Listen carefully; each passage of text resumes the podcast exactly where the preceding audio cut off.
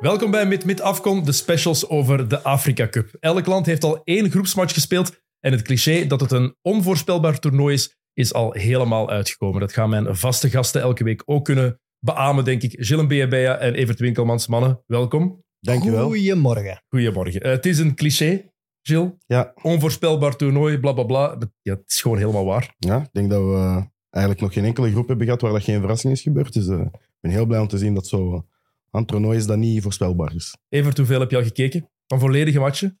Ehm, best veel, maar 90 minuten echt aandachtig, maar een paar. De meeste zo mee second screen. Tegelijk Wikipedia, de carrière van de spelers naar waar ik aan het kijken ben en zo. En voordat ik het weet zit ik weer zo in een Wikipedia death spiral. en dan ben ik weer i- Afrikaanse ploegen aan het opzoeken en zo. Maar tegelijk kijk ik wel een match. Heb je nog tijd voor je gezin eigenlijk nu? Nee. Eh, Eh, onze gast van vandaag die heeft sowieso evenveel als u gezien, of zelfs meer. Ik weet eigenlijk niet goed of ik hem gewoon of al zingend moet voorstellen. Want mensen die kijken of luisteren naar Coolcast, die weten waarom. Alexander Mestag, welkom. Dank u. Ja, moet ik u nu gewoon voorstellen? Is dat al zingend? Wat heb jij het liefste? Nee, dat mag gewoon. Zeker, zeker in de ochtend ben ik nog niet heel scherp. Dus dat is Heb jij al een seconde gemist van, eh, van deze editie? Ehm, nee, nog niet. Ik begin het wel een beetje te voelen. Maar aan de andere kant vind ik het wel leuk om eens zo'n volledig toernooi echt van A tot Z te kunnen volgen. Ehm, maar ik zei het daarnet, ik ben niet op de hoogte van wat er in de wereld gebeurt. Ik ben enkel op de hoogte van wat er op de Afrika Cup gebeurt. Maar eh, het is wel leuk. Als je tips nodig hebt, Evert, jij hebt dat op het WK gedaan, elke seconde. Geef Alexander wat tips wat hij moet doen om... Nee, ik wou hem bijpraten over de actualiteit. Dus eh, Tom Konings is in het nieuws geweest. Ik denk dat dat het belangrijkste is voor de rest. We, we weten, eh, we weten gelukkig weer wat een echte man is. Voilà, is. Tom Konings heeft Oei. ons duidelijk gemaakt. De hype van... Ah, ik heb dat gezien. Kijk, je bent toch mee. Ja, Twitter. Maar dan is de Afrika Cup wel een pak interessanter. Maar een pak interessanter. Zoek het even op, Chill. Oei, Oké, is- dat het ga ik zoiets opzoeken. Ja, het is heel goed. De hype van de nieuwe man is gelukkig nog niet tot in Italië gekomen. Ik ben vaak in Italië geweest. Ik, ja, we zullen het wel zien. is wat goed. Eh, s- serieus wat verrassingen. Gilles, je zei het al. Yes. Kan jullie allemaal aflopen jullie grootste verrassing? Misschien komt die overeen, maar wat is jullie grootste verrassing tot nu toe? We hebben één match per land gehad. Ja, ehm, ik denk dat ik ga beginnen. Mijn grootste verrassing, dat was volgens mij ook wel de grootste verrassing op het toernooi. Kaapverdi, dat met 1-2 won van Ghana. Eh, en heel verdiend ook. Die hebben enorm goed gevoetbald. Die durfden hoge druk te zetten. Die durfden ehm, met de bal aan de voet combinaties maken, in één tijd spelen. En ja, zo... Wat dat je... Nu ga ik echt keihard overdrijven, maar het beste Barcelona, wat die altijd deden, was pass en move. En iedereen stond daar altijd vrij. En ik, had mijn, ik was met momenten echt naar Busquets, Xavi en Iniesta aan het kijken. Dat was fantastisch om te zien. Tegen een Ghana dat, tegen een Ghana dat niet goed... Ja, het is, het is Dat zijn hier klein- grote woorden. Nee, het is een klein overstatement, maar... Maar voor de mensen die het misschien niet zo hard volgen, die enkel luisteren. Ja. Wie zijn de Busquets, Xavi en Iniesta van Kaapverdië? Ja, ik heb hier de opstelling openstaan. Dat zijn eigenlijk Monteiro, Lenini, Lenini en Duarte. Monteiro eh, die heeft zelfs ja, geen ploeg op voetmop, dus die speelt niet in een topcompetitie. Eh, Lenini speelt bij Krasnodar. En Duarte die speelt bij Fortuna Sittard in Nederland. Dus eh, zo zie je maar dat je eigenlijk... ehm, dat is denk ik ook een, een, eh, een cliché in, op de afkom de laatste jaren, is dat je geen topspeler nodig hebt om een topprestatie neer te zetten.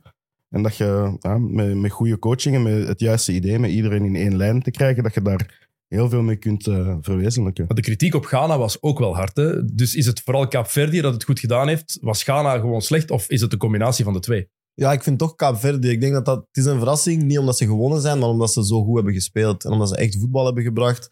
Ehm, heel veel uitvoetballen vanuit van achter. En iedereen had zoiets van, ah, dat hadden wij totaal niet verwacht. En ook zo'n leuke sfeer, want dat zijn zo heel veel jongens uit Rotterdam en die spreken allemaal Nederlands en wat is het allemaal. Dus voor ons was dat ook zo gemakkelijk om te volgen daarna met die interviews en zo. Ehm, dus ik denk dat daarom vooral een verrassing was. Die hebben echt goed gevoetbald. Ja, en ik was dat dan gaan opzoeken. Kaapverdië, die hebben maar 600.000 inwoners. Dat is onwaarschijnlijk weinig. Dus om een voetbal groot... Allee, in Afrika is Ghana een van de top drie qua, qua voetballand. Om die te kloppen, dat, heeft- dat is wel een enorme stunt. Dat is alsof dat Luxemburg op TK een match zou winnen van een Duitsland of een Frankrijk.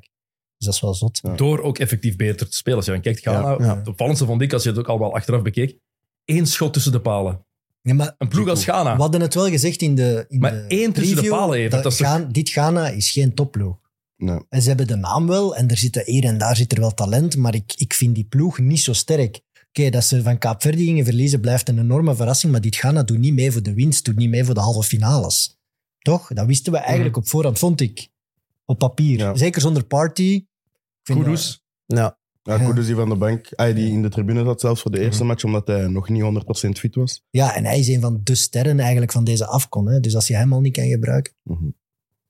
Nee, ik had ook eh, een, de winning goal.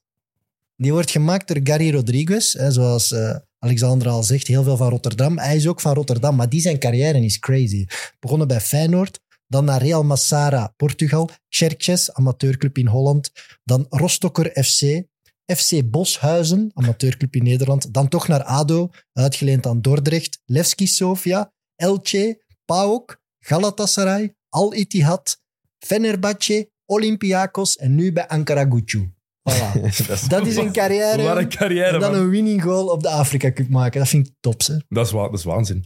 Zo, ja, maar Kaapverdi, denk, ik denk dat er weinig mensen daar geld op hadden durven zetten, dat die het zo goed zouden doen. Los van dat ze, dat ze de drie punten pakken. Ja, degenen die dat daar geld op hebben gezet, die hebben heel veel geld al verdiend tegen deze Afrika Cup. Maar het is, ja, het is nog maar eens de bevestiging van, zoals dat we net zeiden, van je moet, niet, je moet geen topspelers hebben als ze allemaal gewoon ja, doen wat dat er gevraagd wordt en op een goede manier spelen. Ehm, en ik denk ook met veel minder druk spelen. Ik denk dat dat zeker bij Ghana de laatste ja, 10, 20 jaar heel hard heeft geleefd. Is, die moeten altijd met zo'n enorme druk spelen, omdat die ja, qua geschiedenis, ik denk dat die vier toernooien hebben gewonnen. Dat Ja. is historisch een van de grotere landen. En dat is net zoals dat ja, een Duitsland of een Spanje, wanneer die een mindere generatie hebben, weten die ook altijd van er zit druk op, want je speelt eigenlijk niet tegen je tegenploegen, maar je speelt tegen je eigen geschiedenis. Van, het is een land dat al zoveel heeft gewonnen.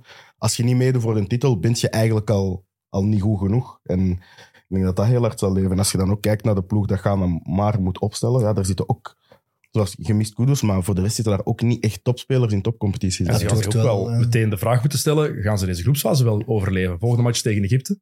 Ja. Het is met, de druk staat er meteen nog meer op. Hè? Nee, absoluut. En ze hebben ergens wel het geluk dat je hè, de beste derdes, die kunnen ook nog doorgaan.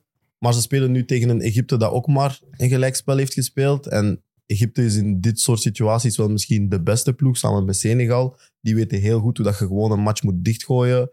Even afwachten, twee keer prikken, we gaan naar huis, we zijn gewonnen, drie punten. Dus de druk zit echt wel bij Ghana. Ik denk dat Egypte nog wat relaxter gaat zijn. Maar Ghana, ja, die gaan, die gaan echt stressen. En ook met de druk van het volk. En, en de, ah, jullie zijn four-time champions, hè, de Black Stars. En ja, dat is, dat, is, dat is show voor hen, denk ik. Ze kunnen alle twee nog gokken op de laatste match. Dus als ze gelijk spelen. Dus Mhm. je zou kunnen verwachten dat dat gelijkspelletje wordt. Maar je ziet ook zo, wat je nu ziet in de, de kalender, die tweede match, dat zijn bijna allemaal toplanden tegen elkaar. En dan stel ik mij de vraag van, wanneer het de, de kleinere landen dan tegen elkaar spelen, die meestal allemaal wel al een goede prestatie hebben gehad, gaan die een open match spelen of gaan die zoiets hebben van als we allebei een punt hebben, hebben we allebei nog de zekerheid en speelt maar een gesloten match. Dus ik, ik kijk er heel hard naar uit van... De tweede groepsmatch zijn meestal vrij gesloten. Hè? Omdat iedereen zijn kans, zeker omdat er drie van de vier door kunnen gaan, Ja. gaat bijna alle landen gaan nog door kunnen in de, op de derde poelenfase. Iedereen gaat rekenen op, we mogen die match gewoon niet verliezen. En daardoor gaat we... Ja, Ja, maar ergens zal het on-Afrikaans zijn, vind ik. Als je kijkt naar het toernooi, naar de afkon, ik vind de eerste speeldag, iedereen heeft met open vizier gespeeld, of toch de meeste ploegen, ook de kleine ploegen. mhm. Ik heb zoiets van, doe dat op de tweede speeldag ook gewoon. Dat je een beetje de, de F-fit mentality en, en gaat er gewoon voor hè. En supporters van Ghana die zien het al sinds duidelijk niet zo zitten. De Belgische bondscoach volgens ene, ene vooral aangevallen geweest. Volgens Ghana zelf was het enkel verbaal ja. aangevallen voor het hotel door ene supporter. Valt dat nog mee. Maar dat zegt eigenlijk heel veel over dat er ook naar die ploeg gekeken wordt. hè. Jullie hadden er niet veel vertrouwen in. En dan wat er nu gebeurd is, gaat het vertrouwen daar ook heel laag zijn, vrees ik. Ja, dat klopt. Maar ik moet zeggen, Gilles zal het ook weten, want hij is ook al naar Congo geweest. Verbaal kan daar wel serieuzer zijn dan hier. dus Ja, het zal ja. misschien niet fysiek geweest zijn, maar ik denk, hij zal wel wakker geschrokken zijn. Dat, dat denk ik wel. Je voelt het uit verbaal, je voelt het al bijna fysiek. Ja, ja, hè, ja. op zo'n punt, ja, ja. Er is ook geschiedenis geschreven. André Ayo, derde Yes. speler die zijn achtste Afrika Cup Ja. heeft mogen, mogen starten. Ehm, jullie weten misschien wie de andere twee zijn die het gedaan hebben? Eh, Song van Cameroen en Song. Ahmed Hassan. voilà, Ja. exact. Ja. Evert, je wist het ook. Song wist ik. Als, Wikipedia, ja, als Wikipedia-expert nu. Ja. Eh, die andere match in die groep, Egypte-Mozambique. Ja, ik vond het eigenlijk een bijna even grote verrassing. Ja. Egypte dat niet de drie punten pakt in de eerste match tegen Mozambique. En eigenlijk twee goals met heel veel chance. Hè, want het is een, een gemiste, een gemiste ja, controle van Salah, die daar Ja. dan als assist wordt opgeschreven. Dat trapt over de bal gewoon. Ja, ja. trapt er helemaal, helemaal naast. En dan een penalty krijgt in de allerlaatste minuut. En weet je, dat is zo'n penalty van ja, dat is penalty, maar pff, geeft die niet.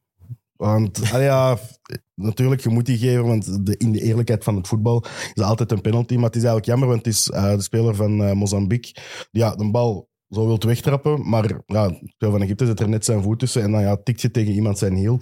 Ja, Welke match was er nog? Een andere match was er ook nog zo'n soort penalty. Hè? Ja, dat was daarna. Ja, Egypte was een eerste. ik weet ook niet, ik heb het hier ergens op, maar ik vind het altijd onnozele penalties, want dat zijn er inderdaad, wat jij zegt, Chill. Hm. Maar Je kunt er niks aan doen. die speler die ziet Ja, die andere tuurlijk. nooit komen, die Tuurlijk. shot richting de Ja. bal en dan heeft hij gewoon de pech dat hij... Misschien moeten we voor zoiets zo'n onrechtstreekse vrije trap geven of zo. Ja, het hangt ervan af of dat er rechtstreeks gevaar kan uitkomen, denk ik. Ja. Als iemand wegloopt uit de box, dan vind ik geef een vrij schop in plaats van een Maar penalty. dat is dubbel. Hè. Ik vind bij zo'n situaties moet je altijd zeggen, moest het voor uw ploeg zijn, zou dat hem willen. En dan zeg je, ja, ja, dat is 100%. penalty. Dat is niet Zo ben ik niet. Nee? Nee, Voor Mechelen? Nee, dat maakt mij niet uit. hangt er vanaf. Ik moet geen, ik moet geen onnozele penalty hebben. Echt niet. Dat is zeer Ik respecteer Ja. het. Dat is heel schoon. Ik zou het nooit doen. Ik zou hem pakken. Ja, wat, ja, ik, wat ik nog over Mozambique wou vertellen, hè, ik zit ik daar maar te wachten om ons Jenny in Oh, actie Jenny. te zien. De beste rechterflank van deze Afrika Cup. Is die man geschorst? Hoe kan dat? Hoe kunnen u met een schorsing aan de Afrika Cup beginnen? Hoe kan het dat jij dat niet wist? Ja, echt. hè. Ik Dylan echt- had dat ook. Dat- Ex-Antwerp trouwens. Maar eh, als je in de kwalificatie naar het Afrikaans toernooi te veel gele kaarten pakt, dan telt hij door tot in eh, de competitie zelf. Wat ik ergens wel snap. Want het is niet... Het is, Wat? Het is, het is nog steeds... Ja, maar het is nog steeds dezelfde competitie, snap je? Als je, als je zoveel eh, eh, bijvoorbeeld tactische fouten hebt gemaakt in de opbouw om je te kwalificeren, snap ik wel dat dat ergens doortelt. En Ja, Anders moet je helemaal meegenomen worden naar de volgende Afrika kwalificatie of, of wanneer tel het dan? Want uiteindelijk vijf gele kaarten is een schorsing. Wanneer gaat die schorsing in? ja, maar stel dat dat dan sterspelers zijn, dan begint uw toernooi en dan zijn uw beste ambassadeurs niet aanwezig. Ja, dan moest hij maar geen vijf gele Ja, kaarten ik, pakken. nee, ik vind ook... Dat moet apart zijn. Kwalificatiecampagne is één ding. Het toernooi begint... Ja, ik snap het. Ik bedoel, ik ben ook van gestreed omdat, omdat bij Congo het misschien een heel domme overkomen als het, als het nu was gebeurd. Maar ja, Eh, ik, ik snap het wel. Nog iets over Egypte en Mozambique, wat mij heel hard opviel. eh, dat was ook al duidelijk in onze preview. Egypte is echt niet geliefd daar. Elke keer als die een bal hadden, was er boegroep in dat stadion. Eh, iedereen was duidelijk voor Mozambique, maar iedereen wil Egypte er direct uit. Maar ja, dat is normaal. Hè. Dat is, ik bedoel, het zijn de Lakers, dat is de Boston Dat is Celtics. normaal. Maar die, die, die, We haten die. die, of- ik denk zeker voor onze leeftijdscategorie, Ja. ja, de, de 70% van wat wij hebben gezien van de Afrika Cup is Egypte wint. Ja, je hebt zoiets van, doe gewoon een keer niet mee of zo. Laat, laat de rest... Ah ja, ik bedoel, snap je zo? Geef ons eens een kans. Ja, maar dat is zo het zesde middelbaar op de speelplaats. Zo, wij spelen altijd op het voetbalveld. Nee, laat anderen ook eens spelen. hè. Wat is dat nu? Dus ik denk dat dat een beetje de rivaliteit is. Maar ik denk niet dat het iets persoonlijk tegen de Egyptenaren is of zo. Nee. Vonden jullie ze goed? Nee. Nee, niet top. Ze wilden aanvallend spelen en dat is gewoon niet voor hun. Ja, zij moeten eigenlijk... Zij zitten, zij beter in een groep des doods dan in een groep met kleine landen. Want als zij het spel moeten maken, dan, dan, dan vind ik het niet ja, 100%. Maar als je ziet wat dat zij kunnen inbrengen tegenover Mozambique... Zag daar op een bepaald moment in de, in de 70ste minuut eh, brengen zij de spits van Frankfurt in. Terwijl dat Mozambique een spits uit de, vijfde, eh, de derde klasse in Duitsland moet inbrengen. Dan heb ik zoiets van, ja... Dan, dan, dan moet je offensief gaan spelen. En als dat niet je spel is, ja, dan is het, is, is het moeilijk. Want ik denk dat zij die kans zelfs ook maken uit een, uit, een, uit een kleine omschakeling eigenlijk. En dan is het nog een penalty. Dus je ziet wel dat zij niet op hun best zijn zo. En je ziet ook Sal- Salah zijn nieuwe rol, vond ik wel heel interessant om te zien. Het feit Dus dat niet meer- tegen toplanden gaan die beter zijn. ja, 100%. En dan gaan die... Ik had met momenten het gevoel, toen dat Mozambique voorstond, probeerden zij heel vaak het spel te breken en ook ja, overtredingen uit te lokken. De bal is buiten, even wachten met ingooien en zo. Dat is hetgeen wat Egypte normaal altijd doet. En die komen altijd ja, eigenlijk voor tegen grote landen. Het En zijn dan, de grootste tijdrekkers ooit. Hè? het, zijn, het zijn erger dan Italianen, hè, vroeger. Ja, ik heb er niks tegen, maar... Maar eh die nieuwe rol van Salah, misschien voor de mensen die het niet gezien hebben, moet je die even proberen uitleggen. Ja, ik denk, jij bent ook meer fan van Liverpool en je ziet vooral wat dat hij op die rechterflank altijd kan doen. Maar ehm, hij komt heel vaak naar binnen en probeert zo'n beetje meer te doen ja, wat dat, ja, een, een moderne spelverdeler, denk ik, doet wanneer hij zijn explosiviteit verliest, terwijl hij dat nog niet kwijt is. Maar naar de andere spelers diep te sturen. En ik denk dat hij ehm, met Trezeguet en met zeker Marmouche ook wel spelers rondom zich heeft die, die, ehm, die dat nodig hebben. Iemand die aangeeft waardoor dat zij in de box kunnen komen. En ik denk dat zeker Ik ehm, vind dat raar. tegen toplanden dat hij dat dat meer gaat doen. Ik snap niet dat... Dus je wil van hem een 10 maken. Maar hij is de best, allee, de best scorende speler op heel de Afrika Cup. Alleen met Osimhen en eh, hier en daar ja, een echte spits uitgesloten. Ja. Allee, Salah is een garantie op de goals, dus je moet die toch gewoon in de 16 meter aan de bal krijgen. Ja, maar ik denk vooral als ik kijk naar wie dat er daarachter staat. eh Maar ik denk dat ze die El-Neni. kwaliteit wissen. Hè. En het middenveld is misschien wel het meest verdedigende middenveld dat er, dat er is van alle, van alle je, je bedoelt dat hij geen keuze heeft, dat hij zo moet spelen omdat er gewoon te weinig kwaliteit is. Ja, ik denk dat hij in clubverband hoger kan spelen, omdat ze daar de bal meer naar hem brengen. En zelfs dit seizoen bij Liverpool speelt hij een beetje lager dan gewoonlijk. Maar bij Egypte denk ik dat hij... eh, hij zal wel hoog beginnen en dan voelt hij aan van ja, maar Als ze die geraken draait, niet tot ja. mij. En dan begint hij in te zakken en begint hij zoals tweede spits wat meer naar het centrum te gaan. En dan speelt hij niet op zijn sterkste wapens, zeg maar. Maar ja, hij heeft dan het geluk dat Egypte wel veel penalties krijgt. Dus zo komt hij wel aan zijn doel. Nou ja, dat klinkt echt dat ik niet op Egypte aan het haten ben. Ja, weet je wel, ja. Nee, nee, nee. Tof vooral, land. vooral altijd goed. Ik heb niks tegen Egypte, maar... Nee. maar weet, Eh, Tof het dus land, piramides, super. Oké, Alexander, wat was jouw grootste verrassing van eh, ja, deze week? het is een gedeelde plaats. Eh, ik denk Kaapverdië en Namibië tegen Tunesië. Dat had ik helemaal niet zien aankomen. En ik weet ook niet wanneer dat de laatste keer is dat ik zo'n energiek team heb gezien. Die bleven maar lopen, die bleven maar sprinten, druk zetten. Altijd tegenaanval, gaan, gaan, gaan. En ik vond dat heel leuk om naar te zien. Ehm, en ik had toch wel wat een beetje verwachtingen van Tunesië. Dat is een ploeg die het meestal wel goed doet en die ook wel een oké kern heeft. Dus dat was voor mij wel een verrassing om die te zien eh, verliezen tegen Namibië. Geweldige assist. Ja, magnifiek. Magnifiek. Zo'n zo, zo een, een Beckham. Beckham voorzet, maar dan binnengedraaid. Ah, top. Eerste overwinning ooit voor Namibië, Namibië op de Afrika Cup. Ook. Dat Ja. geeft er altijd iets speciaals. Je weet dat Ja. hadden ze er nooit in geslaagd. Dat maakt Ik ben mooi. verliefd op die, op die man van die assist. Ja, Abdel had het hier vorige keer over. Museu. Ja, ik, Abdel had het vorige keer over een, een, zo'n vuile ex, waar je altijd naar terug gaat, waar je van weet dat het misloopt. Deze is echt mijn maîtresse geworden. nu, nu al, ik heb hem gezien. Dat was echt wauw.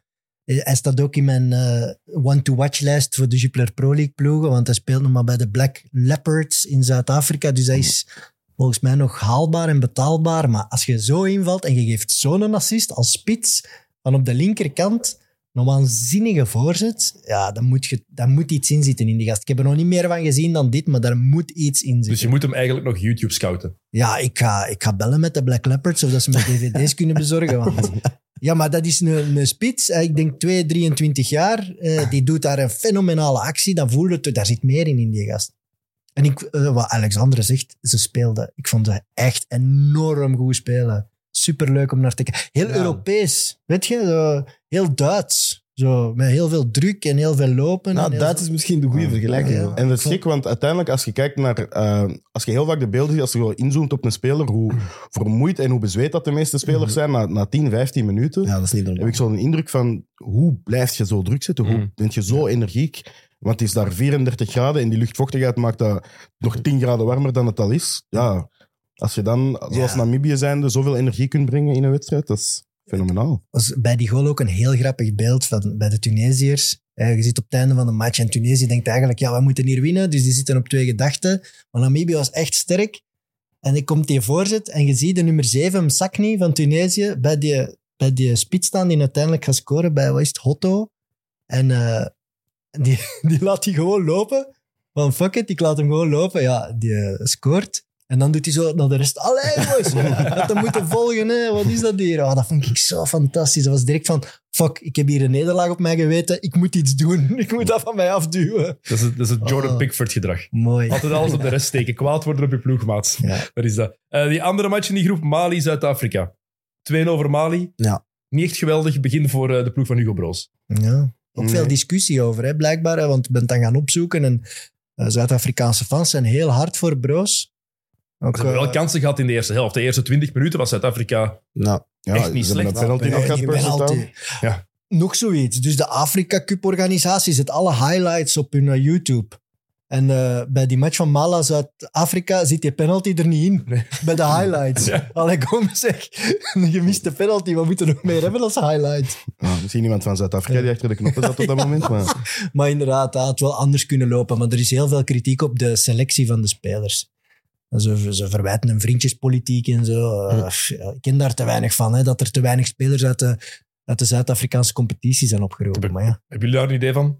Klopt Ja, hij was, van? hij was mee met, hij was een, eh, ik had een paar interviews gecheckt met, met Zuid-Afrikaanse kanalen en daar had, ze het vooral zo, had hij het vooral, Hugo Broos, over een verjonging die hij moest invoeren. En daar ging het zelfs over, ja, Temba Zwane, dat is na Percy Tau zo denk ik eigenlijk het goudhaantje van, van Zuid-Afrika. Die zou, ja, aan zijn laatste toernooi bezig zijn en is veel bezig met jongere gasten erin te halen. En hij zegt ook van, er moet een, ja, een, een volgende generatie worden klaargestoomd. Ik denk ook, als ik kijk naar die Zuid-Afrikaanse selectie, ik had op voorhand had ik ze niet gegeven dat zij eh, voor een top 2 plek in die groep zou moeten gaan. Als je kijkt naar Mali, wat dat die op middenveld allemaal hebben rondlopen. Eigenlijk Tunesië ook, wat dat die voorin hebben rondlopen. heb ik zoiets van, dat ze, die gaan voor nummer plek 1 en 2 moeten spelen. En als ik nu zie hoe goed dat Namibië is, denk ik dat het een, een heel kort toernooi misschien zelfs kan worden voor Zuid-Afrika. Dus ja, ja, zijn misschien moeten Maar zien... slecht dat- waren die niet, hè? In Nee. die wedstrijd. Nee. die waren Nee. leuk, die hadden kansen. Zeker Persitao. Eh, Oké, naast die penalty heeft hij ook zo'n paar kansen gehad. Mhm. Een 1 tegen 1. Dus ik vond die niet... Ik zou ze eigenlijk geen kritiek geven op basis van die wedstrijd. Nee. Ook omdat ze tegen Mali spelen. En Mali is gewoon... Het is echt meer op basis van het resultaat eigenlijk. Ja. Ja en, en de kritiek van eh, de Zuid-Afrikaanse competitie klopt niet, want het is de selectie met, ja, met de meeste... met de meeste homegrown players eigenlijk, die ook nog in eigen land spelen. En ook als je die eerste 20 minuten ziet en je scoort daar, je komt daar 0-1 voor, dan, dan verandert die wedstrijd ook misschien helemaal. Hè? Ja. Maar ja, gewoon die kansen te blijven missen. Ik Tuurlijk. verschoot er ook van hoe oud Percy Tau geworden is. 34, denk ik. Hè? Ja, man, die zag er echt oud uit. Die zag er niet, niet goed uit, weet je? Zo niet scherp, niet klaar om dat toernooi aan te vatten. Dat is omdat hij kaal is. Ja, misschien, ja. Want als je, als je Ja. Percy Tau herinnert, herinnert je Ja. zo de, de korte... Die plukken, die plukken Ja, haar. voilà. En die zijn weg. Penalty was ook fantastisch. Dat was echt de slechtste penalty van het jaar. Nu al, denk ik. Nu al. Ja. Dat kunnen er nog volgen. Hè? Ja. Ja, dat iets weg van Ramos. Hè, die Ik dat heb het gevoel dat er nog gaan volgen ook. Eh, Sam gaat met Hugo Broos bellen deze week trouwens. Ja. Hij gaat met, eh, twee keer per week met iemand bellen. We gaan dat volledig op onze social media ook zetten. Sam gaat eh, normaal gezien bellen met Hugo Broos en Rocky Bouchiri. Kijk, kijk, dus Sam kan dan de vragen stellen die wij willen weten eigenlijk. En ook Ja. de aflevering van Belgasport over Hugo Broos met Cameroen 2017 wordt veel herhaald op PlaySports de komende weken. Dus als je die nog niet gezien hebt, eh, Zo- absoluut, Zo absoluut doen. claimen ze alsnog een beetje de Afrika. dat is mooi. Dit komt ook op PlaySports, hè? Ah ja. Allee, ik, ik geef het maar mee, hè. Kom aan, PlaySport. Hey. Evert, uw grootste verrassing. Of verrassingen. Namibië, hè. Met maîtresse. Ja, zo- ik, dat was, ik vond dat fijn. Ik vond vooral van de manier waarop dat ze voetbalden. Wauw, echt wauw. Gewoon Namibië. Echt, ik hoop nu echt dat ze ver geraken. Mijn chouchou Burkina Faso heeft het ook goed gedaan. Voetballend wel een pak minder, moet ik zeggen. Maar Namibië was veel beter dan Bur- Burkina Faso bijvoorbeeld. Maar ze pakken wel punten.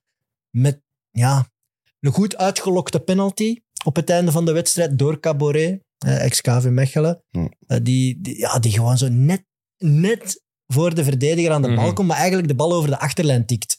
Dus ook weer zo'n fase waar geen gevaar uit kan komen. Maar hij is sneller op de bal, hij gaat neer, VAR, penalty laatste minuut en Burkina Faso wint met 1-0. Ja. Ik heb al een shirt besteld. Ik, ik, er is eentje onderweg. Och, Ja, ja, er is iemand die kijkt naar Mit-Mit, die dat blijkbaar in zijn kast had hangen.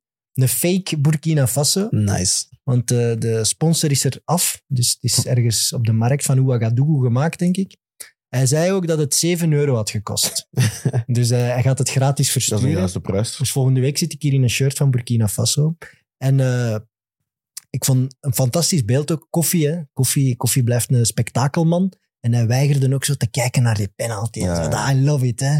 Echt, dat vind ik wel tof. Het grappigste was het beeld zo van de herhaling, vond ik. Want eh, ik zie op het moment dat, dat hij de bal is aan het klaarleggen voor de penalty, dat Koffie zich zo ja, naar de supporters zet. Hij draait zich om. En dan kijkt hij zo toch nog even achteruit om te zien van wie gaat hem nemen. En dan terug wegkijken. Was wel, was wel leuk om te zien. En hij was belangrijk, Ah, Koffie. het was Ja, Koffie tegen Ja. Koita, Ja, toch? Hè? Ja, Koffie, was. Koffie is echt een belangrijke speler daar. Ik vind dat wel tof. En het was tegen Mauritanië, die eigenlijk ook goed waren, vond ik. Mhm. Die veel beter waren dan ik had gedacht. Want ja, buiten Koita en Camara van ex-Kortrijk ken ik daar niet zoveel van. Maar die, die twee zijn daar wel de man. Ja. Eh, Dat was, dat, rond die twee draait het daar. Zo straf. Ik zag ook vooral zo Koita zijn, zijn vrije rol. Want die spelen zo... Heel veel ploegen spelen zo in een 4-4-2 eigenlijk als ze moeten verdedigen. En Koita is dan ja, een van die twee spitsen eigenlijk. En je zag wel dat hij zo de rol kreeg en, en de vrijheid kreeg om wanneer hij in en rond de 16 Ja. was. Om, ja, ja, dat kanonschot is misschien een van de grootste wapens dat Mauritanië heeft op dit moment. Maar Ja, speelt hij daar ook voor een transfer? Want hij deed daar soms weer... Hij doet dat in België eigenlijk ook. Hè. Heel veel alleen gaan. heel veel kap, kap, kap om zelf ruimte te zoeken voor het schot. Maar dat op de Afrika Cup ook. Ja, ja. maar ja, Eh, dus, Hij denkt van, als ik er hier drie maak, komt er misschien een grote ploeg. ja, voilà. En die vrije trap ook, want dat was, dat was voor mij echt ja, de belichaming van die wedstrijd. Was dat eh Koffie stond in de goal en ja, die doet daar de meest onorthodoxe redding. Maar als je een bal van Koita eruit kunt halen, dan, dan is het goed gedaan. Dus het was wel mooi om te zien dat zo, ja, een beetje de Pro League link was in eh, dat toernooi. Hè. Ja, en te weinig volk hè, in dat stadion voor die match. Hm. En nog matchen. Hè. Ja, Ja. dat is het spijtige. Zeker om 15 uur en Ja. zo. Ticketprijzen liggen dan wel heel laag, maar ja. Maar je moet er geraken ook nog, hè, in die voorkeurs. Ja. Dus eh, het continent is groot. ja. Want zelfs die openingsmatch, dat leek vol genoeg, maar er zat 34.000, 35.000 man in Ja. een stadion van 60.000. Mhm. Leek wel niet zo beeld, vond ik.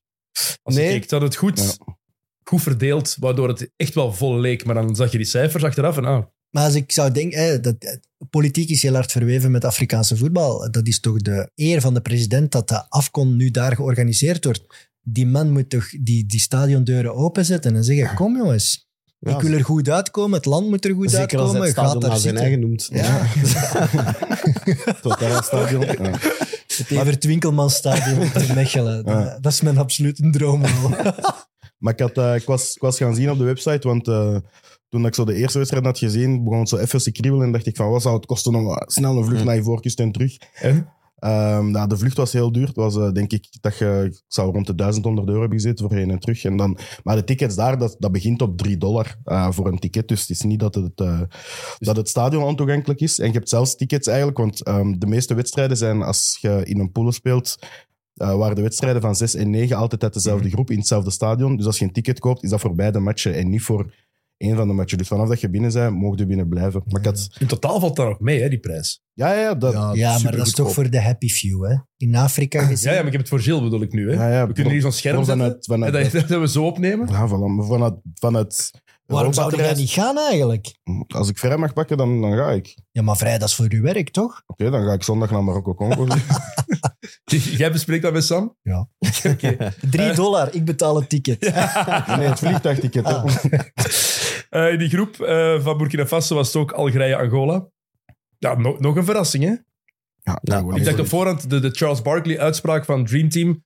I don't know a lot about Angola, but Angola is in trouble. Ja. Ik dacht dat het dat ging zijn.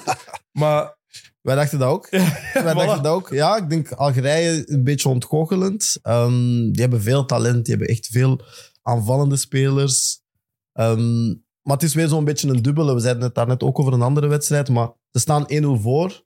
Ze scoren dan een wereldgoal als tweede doelpunt. Ja. Mooiste goal Net offside. Ja, zo'n situaties bepalen dan wel hoe dat een match verder draait. Ik denk als 2-0 is tegen Angola, dat Angola het dan een beetje opgeeft en accepteert van ja, we hadden wel verwacht misschien dat we hier niet direct gingen winnen. Maar ja, die, dat wordt dan afgekeurd. Hè. De andere ploeg krijgt een beetje moed. Ze scoren de 1-1. En, ja, en dan is het vechten voor je punt.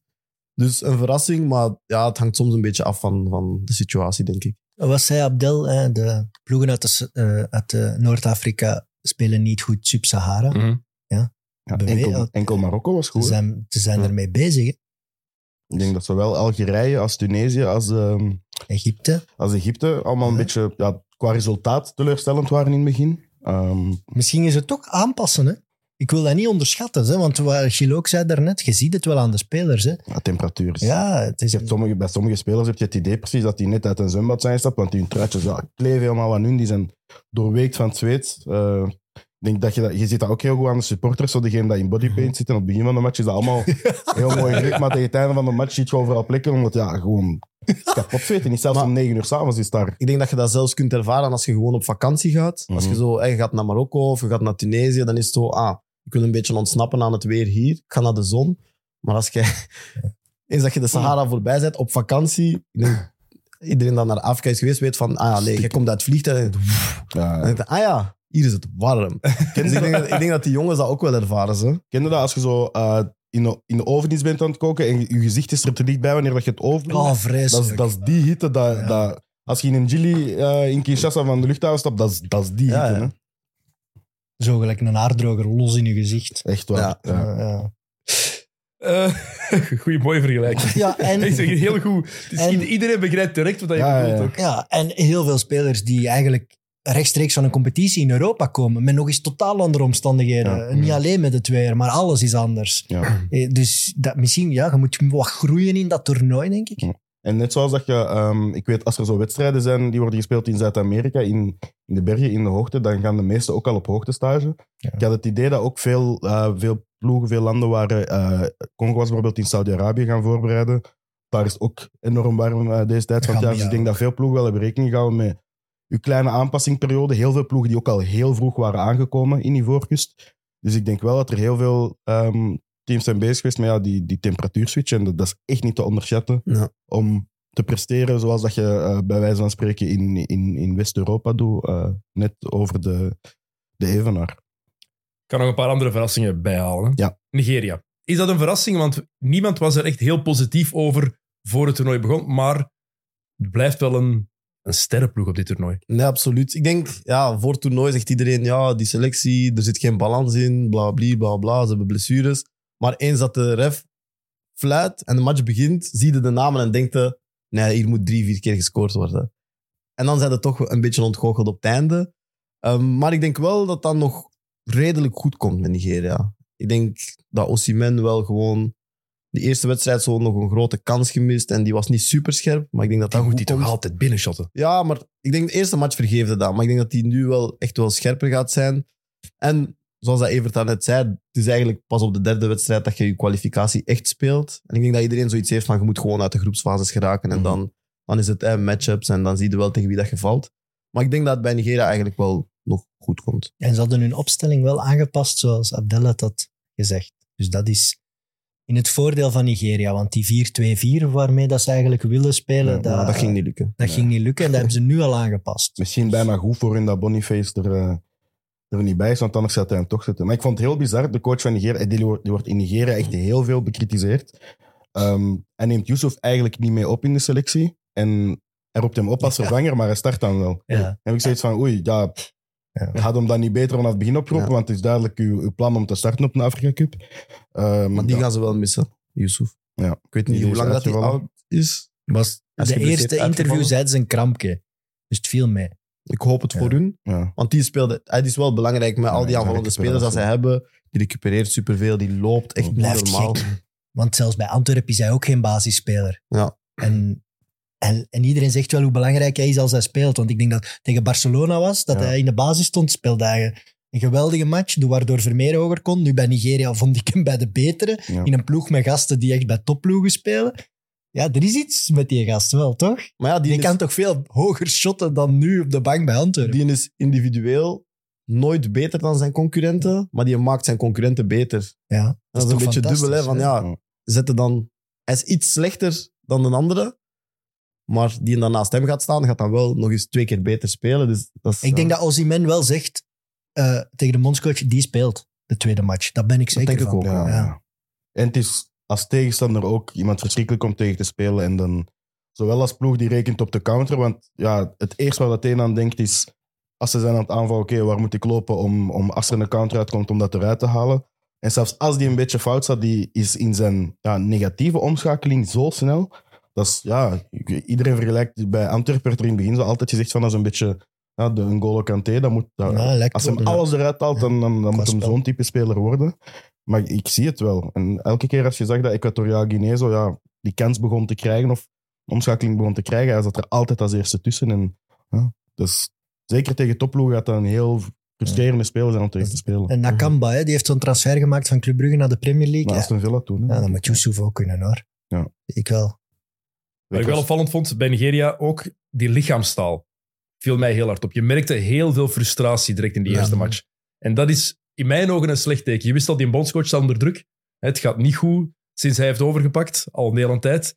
En ik weet het niet, er, er, er, er zat iets in die lichaamstaal dat mij het slechtste deed vermoeden voor de komende matchen eigenlijk. ja. Als je de eerste match al zo gefrustreerd bent met elkaar, dan is dat vaak een slecht voorteken. Maar ik denk dat zij een beetje um, hetzelfde ervaren als Ghana. Er zit ook heel veel druk op. Niet alleen van de voetbalwereld, maar van het volk, van, van, van de supporters. Die hebben, zijn allemaal grote namen. Dat is ook een supergrote voetbalnatie. Het is ook een groot land.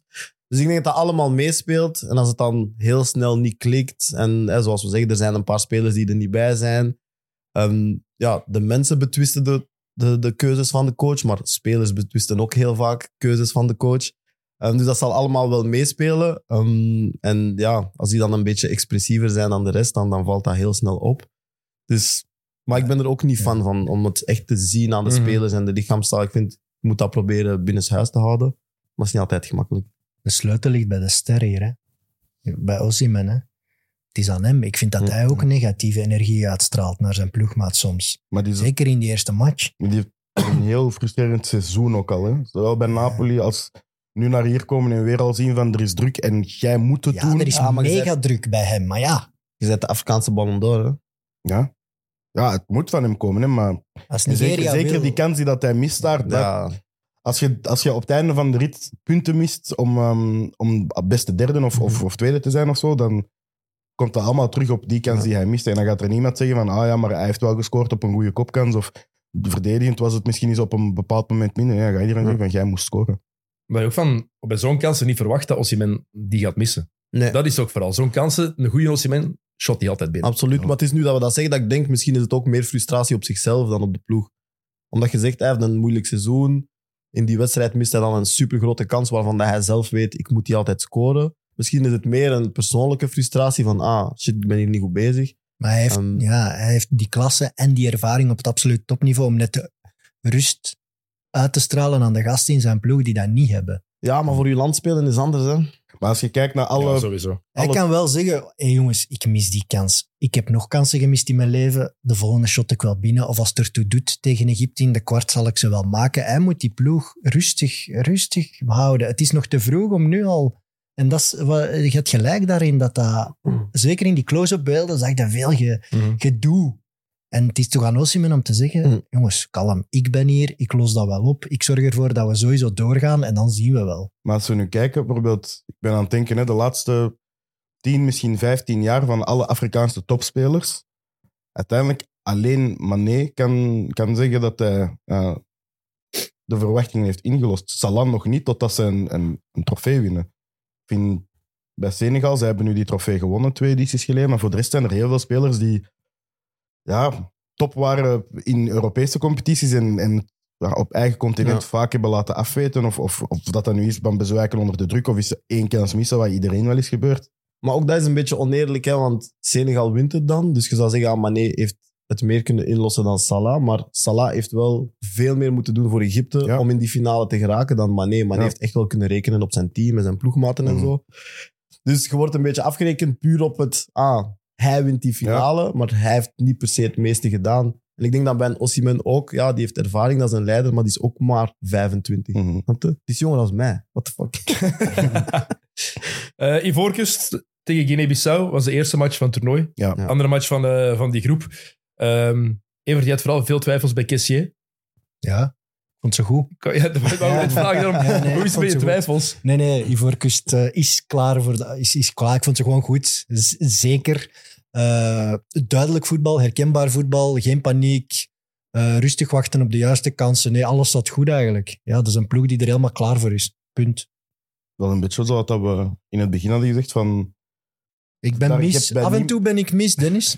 kan gebeuren, kan het beste gebeuren. zo. Het is zoals Osimhen is mis. Maar je hebt zo... Ja, ik merkte daar heel hard dat middenveld van eh Kessé, Seko Fofana en eh Sangaré. Ik had zo het gevoel van... Tegenover heel veel andere ploegen, wat dat je net bijvoorbeeld zei over een Koita, wat dat we vaak gaan zeggen over een Osimhen, die moeten bewijzen. Die, die drie gasten, die, die moeten niks bewijzen en die, die weten wat dat ze moeten doen. En ah, die gaan kansen krijgen. En die waren zo dominant. Ik denk dat zij in Senegal de enige ploegen waren die zo dominant waren en konden winnen. Want er zijn veel ploegen die, die of dominant hebben gespeeld of hebben gewonnen, maar daar zat alles gewoon goed. En je had zo het gevoel van, als je dat kunt doen als eerste wedstrijd, als organiserend land, dan kun je voor mij wel zeggen dat je een van de mede-favorieten bent. Ja, Dan is de vraag, wat gaat je doen als je tegen Ja. een Egypte komt, als je tegen een, eh, ja, tegen, tegen een goede, tegen een topploeg komt. Maar dit is heel hoopgevend voor Ivoorkust. Ja, als het gaat over druk, als we over Nigeria hebben, ja, Ivoorkust, Ja, groot land, absoluut. Ja, goede ploeg grote druk. in eigen land. Die Ja. druk is daar ook gigantisch. Hè? Maar dat Ja, vroeg ik absoluut. mij nog af. eh, eh, jullie weten dat misschien. Worden die daar nu afgeschermd in een aparte compound of zo? Want ja, die kunnen daar nu toch niet in een gewoon hotel zitten, lijkt mij. Of, Ik weet niet waar dat Ivorcus zelf zit. Ik weet dat voor de andere ploegen dat ze zo, ja, zo, zo villages hebben gebouwd. Mhm. Ik zou vermoeden dat die ook wel afgezonderd moeten zitten. Want anders denk ik, vanaf dat er iemand weet waar dat die zitten, is er, is er, is er een gekke Ja. menigte. Maar ik denk Ivorcus, wat interessant is, is een, ik denk dat zij hebben het beste middenveld van de competitie volgens mij. Omdat zij aanvallend heel goed waren. Zij waren dominant. Maar moest je het omdraaien en die drie middenvelders moeten verdedigen, denk ik, niemand breekt daardoor. nee, dat kunnen ze, ja. En dat vind ik interessant. Sanger, Ja, omdat ze nu dominant waren en ze hebben gescoord en Fofana was supergoed, maar eigenlijk de dag dat zij moeten verdedigen, gaan die supersterk staan volgens mij. Er is maar één land dat hun kan kloppen, hè. Dat is Congo. Burkina Faso. Ja, propaganda moet ook gevoerd worden, ik snap dat. nee, nee, ze waren, ik, ik, ja, ze waren echt indrukwekkend. Punt. Zinogano niet gespeeld bij Guinea-Bissau. Nee. Ja, doodzonde zeg. Jammer, hè? Ook ja, jammer. zonde. Maar ja, Ik begrijp het ook verwacht. niet. Ja, ik begrijp het ook niet echt. Ja, ik had wel zoiets van... Dat is een profiel dat toch ja, vrij uniek is in, in het voetbal. Net zoals dat...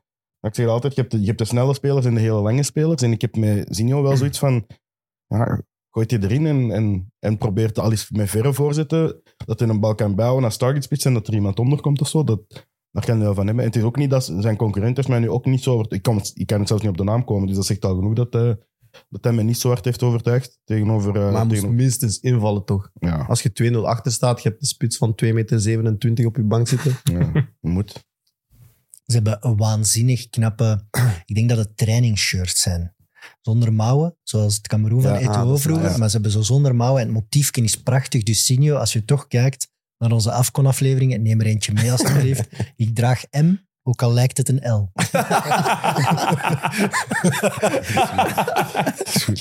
ah, dat is een hele mooie. Ja.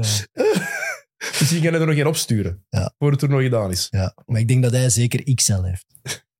Maar zijn ploeg- misschien een van zijn ploegmaats pikken, hè? Voilà. Kan altijd. Eh Cameroen heeft ook niet gewonnen. Nee. Was het een verrassing voor jullie dat die 1-1 gelijk speelt tegen Guinea? Ik zeg het, ik kan blijven aflopen Ja, van tuurlijk, verrassingen dat er eigenlijk waren, puur op basis van de uitslagen alleen al. Hè? Ja, ik denk op basis van naam en grootte misschien wel. Maar als ik dan keek naar de ploeg van Cameroen, zeker zonder eh in topspits eh Abu Chouchou, Abu Bakar, Ja. dan denk ik dat ze daar echt wel iets missen. Eh, of dat ze Onana missen, pff, dat weet ik niet. Maar verrassing, ja, niet zo'n grote verrassing als de andere resultaten, denk ik dan. Omdat Cameroen niet een waanzinnig sterke ploeg heeft, volgens mij. Abu Bakar gaan, die missen ze ook gewoon. Dat is een te Ja, grote aderlating daar. talisman. hè. Ja, exact. Op, maar niet, niet alleen gewoon door wat hij brengt, maar gewoon zijn aanwezigheid alleen al. Ja, dat is, dat is gezegd, dat is, dat is wie dat die is in Cameroen. Ja, die was het toernooi was die topschutter in, in eigen land. Hm. Ja, die is gewoon echt gemaakt voor dat type voetbal. En die, dat is iemand die niet zoveel kansen nodig heeft. En het is raar dat hij het nooit zo in Europa heeft gehad, maar ergens snap je het wel als je die op zo'n toernooi bezig ziet. Want dat is echt een spits die ja, leeft van, van, van zijn omgeving. En als je luistert naar de verhalen dat Abdel er ook over zei, dat, eh dat had meegemaakt.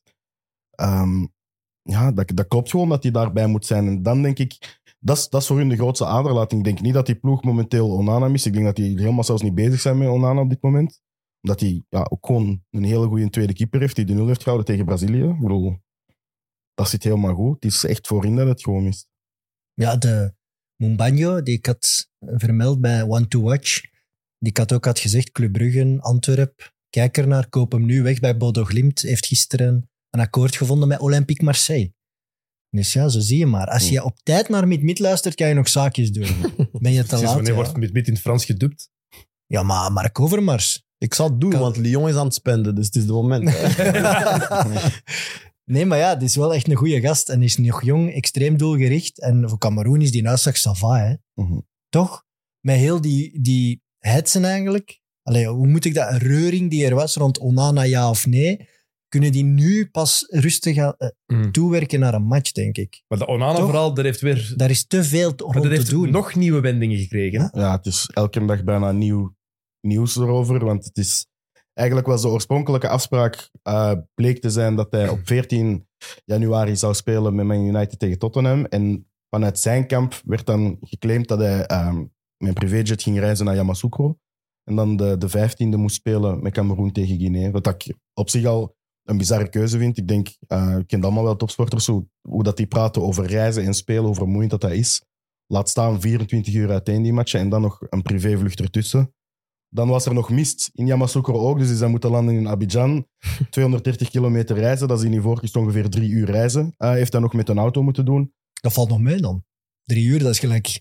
Allee, in de sneeuw gisteren deed ik er meer over. Ja, maar jij, jij moest geen 90 minuten zotten in Ivoorkust. Nee. Dus ja, en dan ja, is hij buiten de kern gelaten. En dan ja, was het beeld was, eh, dat hij in de tunnel stond met Juve. Ja, dat is... Juve is voor mij... Dat is een van mijn favoriete spelers aller tijden, maar het is de laatste persoon van wie dat ik advies nodig heb. Dus, ik moet van hem niet horen... Leg uit, waarom? Ja, dat is... Goh, ik bedoel het positief, maar dat is een gangster. maar ik bedoel het echt positief. Dat was, dat was blond haar, gouden tand, tatoeages. Ik kom om doelpunten te scoren. Maar ik denk niet dat hij de beste levensbeslissingen heeft gemaakt in zijn leven. Ik moet niet van hem horen, met alle respect, van nou, dit is wat jij met deze situatie moet doen, snap je? Maar ik zag ze op de gang en ik dacht zo van, oh nee, die gaat waarschijnlijk zeggen van, doe verder. En, en, en- ja, nee. Kijk, niet, ik luister niet naar Ja, de rest. Jij bent de beste. Ja, jij bent de beste. Ja, ja. Geen stress, komt er wel in. Of Ik ga, terug- gewoon terug naar huis. Ja, zo, af. zo van die dingen. Dus ik dacht, nee, dat is een foute persoon om tegen te komen op de gang. en ik denk zeker met, als je kijkt wie dat er boven staat in Cameroen, dat is Rigo Song. En dat is de grootste dictator dat er misschien in het Afrikaans voetbal rondloopt nu. Of niet? Ja, Samuel Nee. Eto'o wil je toch niet tegen hebben? Maar die heeft, een, die heeft een persconferentie gegeven na die wedstrijd. Hem Heb zo ik niet zegt. gezien. Ah, dus hij geeft een persconferentie na de wedstrijd, want hij zegt, eh, ja, ik weet dat jullie allemaal ontgoocheld zijn, maar eh, laat mij jullie herinneren. En hij begint zo... Ik ken de jaren niet van buiten, maar zo in 2002, ik was erbij. En dan moet iedereen klappen, dus iedereen klapt. Nee. Ja, ja, ja. Zijn wij slecht begonnen, maar jullie weten allemaal hoe het is geëindigd. Zoek het maar op. In 2004, ik was erbij. Slecht begonnen, maar het is zo gelopen. En je gaat zo jaar dat na jaar... af. vreselijk. Die, ah, dat is, Wat is dat? Journalisten moeten klappen. ik weet, ja, maar zo... Dat was gewoon afschuwelijk. maar Dat is een is... dictator. Ja, maar maar wat is de bedoeling daarvan? hoe geweldig... ik weet het niet, maar... Ja, ik denk... Ik denk Cameroeners zijn sowieso wel trotse mensen. En ik denk Samuel Eto'o is de trotste mens. Maar die, die- Extreem ego. dan dat is toch? niet normaal, Ja, want ja, ja. hoe dat hij naar die, dat presidentschap kwam, was zo van, ja, ik als ex-speler weet wat dat er fout zat in de federatie, weet wat de spelers nodig hebben, dus ik ga dat komen fixen. En je gelooft daarin. Je denkt, ah, dat, is, dat was een wereldspits, die heeft superveel gewonnen, die heeft alles mogelijk gewonnen dat hem kon winnen, die gaat dat goed doen. En dan komt hij in die positie en dan denkt hij, ah shit, het gaat weer dezelfde miserie zijn als de vorige. En, en, en die, ja, echt een, echt een Afrikaanse president. Echt, Hoe kan dat zelfs? ja, ik weet het niet. Ik Ja. had het inderdaad ook niet verwacht bij Eto. Dat, Dat die- is omdat je bij, bij zeker zo'n extreme vedette, ja, dat worden de negatieve kanten, daar wordt zelfs niet aan gedacht. Is zo'n man klaar voor zo'n job? Heeft hij daar de kwaliteiten voor? Ja. Heeft hij management skills? Heeft hij organisatorische skills? Eh, Is dat überhaupt een goede people manager? Alles wat ik daarvan lees in biografieën van ex-Barcelona-spelers, valt dat heel goed mee met die people skills van Eto'o. Hè? Want die is al- wordt er vaak geschreven in boeken. van, Ja, het was sowieso een speciale gast. Beetje een Einzelganger daarin. Eh, altijd straffe uitspraken. Heeft hij Ja, heel zijn altijd. carrière gehad. Altijd straffe, vaak over zichzelf. Ja, lijkt me nu niet de beste man om een, om een federatie in moeilijkheden of een elftal dat nog niet klaar is, eh, op de juiste weg te zetten. Helemaal niet zelfs. Eto'o. Is- Dat kan, allee, dat is, ik ben aan het zoeken naar een voorbeeld in België die dan bondsvoorzitter zou worden. Allee, eh, Bruno Versavel of zo. Allee, dat kun je toch niet... Dat kan. Nee, maar dan weten toch dat dat misgaat. Maar het is super Is er niet één gigantische rode vlag die we misschien heel vaak hadden kunnen zien op de manier hoe dat hij vaak over Guardiola praat? Ja, maar ergens is het wel super spijtig, omdat wat dat hij dan wel betekend heeft voor zijn land en wat Ja. dat hij allemaal heeft verwezenlijkt op het veld, heeft ervoor gezorgd dat de mensen zoveel respect hebben voor hem. En op het veld heeft hij dat absoluut afgedwongen. Maar omdat hij inderdaad weet wat de pijnpunten waren toen dat hij zelf speler was, en dat hij inderdaad weet waar dat er misschien fouten waren en waar dat er dingen niet goed liepen, heb je wel die hoop van iemand die zo hard van zijn land houdt, dat hij het ook juist zou aanpakken. En dat is een beetje de ontgoocheling. Want je hoopt daar wel op. Dan heeft hij mensen naast hem nodig die het wel kunnen uitvoeren. Die misschien in stilte kunnen werken, maar het wel kunnen uitvoeren. En hij kan de face zijn. Maar Want de situatie met Onana, dat zou nooit mogen gebeuren op, een federatie. Want Onana bijvoorbeeld, ja, die heeft ook een social media manager nodig, denk ik. Als je die foto dan publiceert van in die privévlucht op weg naar Ivoorkust, dat is zo gevoelloos en tegelijk is dat zo wat patserig. Gevoel is ook precies eh, boven de groep verheven. ja, heb ik voilà. dan. Van jongens, ik ben onderweg. Ja. Het komt allemaal goed. Er zat ook geen emotie, allee, er zat ook geen link met Cameroen in die foto of zo. Ik vond dat, dat heel hij zich slecht beter gedaan. voelt dan de groep, dat lijkt toch al wel langer zo, hè? Bij Onana. Ja, ik heb dat Maar niet over Eto'o en. Song zouden dat toch niet pieken. Dus ik snap van die situatie echt Maar nog gaat hij altijd niks. spelen? Of gaat hij gewoon... even- Want ik heb ook gelezen dat hij terug naar Manchester zou willen gaan. Ah, ik Want als, hij- ik hij en Song die hebben nog niet gepraat. ik als Nee. bondscoach zet hem op de bank volgende Maar, match. maar dat is het net. En ik volg u daar helemaal in. Zo, dat is het net. Eto en Song, die zijn duizend keer groter dan Onana in Cameroen. En als zij dat pikken, is het, dat is nog het gekste van al. Dat is, Mhm. dat is inderdaad zo... dat- ja, ik ben ook een vergelijking aan het zoeken, maar... Allee, ja, Moet je er als tweede keeper ook bij u bij voelen? ja, maar ik bedoel, Song... Die, Maar heel de groep Song toch, was ja. kapitein. Hè, het was Eto en Song, dat waren de kapiteins. Song heeft acht Afrika Cups gespeeld. Hè. Dat, is, eigenlijk- dat is een legende, die is nu coach. En ook de, de karakters dat dat zijn, inderdaad. Ik snap niet dat zij dat accepteren, dat er iemand zegt... Ja, eigenlijk, ik sta boven het land of zo. Zeker met, met de trots dat je hebt.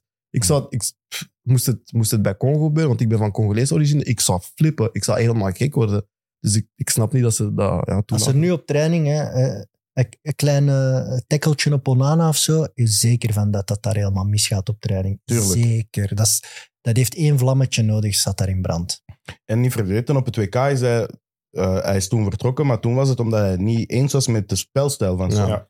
Dan heb ik zoiets van dan... Ah, man. Dat is... Zit, En daar, zit daar misschien iets meer achter tussen Manchester United en, en Cameroen? Die, want hij tekent uiteindelijk bij Manchester United op het moment dat hij ja, zijn pensioen bij Cameroen heeft aangekondigd. Ja. Hij gaat dan terug, is dan misschien afgesproken van ah, je moet misschien zoveel spelen of zo. Dat zijn volgens mij dingen dat we over 10, 20 jaar te weten gaan komen van ah, zo zat het eigenlijk ineen of ah, deze afspraak is gemaakt of deze belofte is misschien gemaakt geweest en, en niet Ja, nagekomen. maar hij Dat heeft met Ajax ook al een afkon geskipt. Dus het is niet de eerste keer dat hij issues heeft met de nationale ploeg. Dus ik denk niet dat het enkel gaat om, ah, dit was de afspraak met United of whatever. Mhm. En uiteindelijk, ik vind, als je voor je land moet spelen, heeft het altijd Respecteer voorrang. Het is gewoon een volle vent, toch? Ja. Allee, ja, nee, al- dat lijkt me gewoon echt Als je alles op een, op een rijtje... Hoe wat er meer. gebeurd is met die gast... een slecht management, hoop ik. Slecht omringd of zo. Ik hoop niet dat die jongen zo is, want Ja. het zijn gewoon foute Als beslissingen. we het hebben over Cameroeners en foute beslissingen, is er nog wel iemand geweest die dat we kennen in België. En Ah, uw daarbij, heb ik- daarbij heb ik ook altijd vaak gedacht van, het lag meer aan zijn omkadering dan aan hemzelf, snap je? Dus ik, ik kan mij ook wel inbeelden dat bepaalde beslissingen die gemaakt worden en dit, zoals gezegd, misschien daarnet die foto dat wordt gemaakt, ja, dat zie je zelf weet. Het is iemand dat die foto maakt voor hem en, Mhm. en niet tegen hem zegt van, zou je dat wel doen? Of op dit moment, je bent niet bij, bij de ploeg, je, je gaat te laat zijn. Houd even, blijf even van social media en wacht totdat je erbij bent en post pas wanneer de dingen goed gaan. Ja, maar ik vind het ook gewoon spijtig. Ook gewoon een beetje... We hebben het heel veel over het sportieve, maar ook gewoon een beetje cultureel. Weet je, zo. Mhm. De afkon, wat dat betekent voor het Afrikaans volk en voor heel veel landen en alle landen aanwezig, is echt wel een moment van die maand is het. We zijn trots, maar dan zijn we super trots. En wat het echt betekent om voor je land te spelen, dat is niet alleen in Afrika. Ik bedoel, we hebben dat met de Rode Duivels ook. hè. Als we zien dat er met de spelers een beetje probleempjes zijn, is iedereen direct op zijn gsm en ah, wat gebeurt er? En ja, dus wanneer het over je land gaat, is dat gewoon nog dieper. En als je dan iemand hebt die het of die een blijk geeft van het niet te respecteren, ja, dan, dan ja. Eigenlijk is het met Courtois allemaal helemaal zo erg nog niet. Hè? Het zijn toch altijd de keepers, hè? Ja, ja. Alle, alle, allebei een foto in een privéjet. Amai. Op social media. Ah, ja, ze hebben hetzelfde gedaan.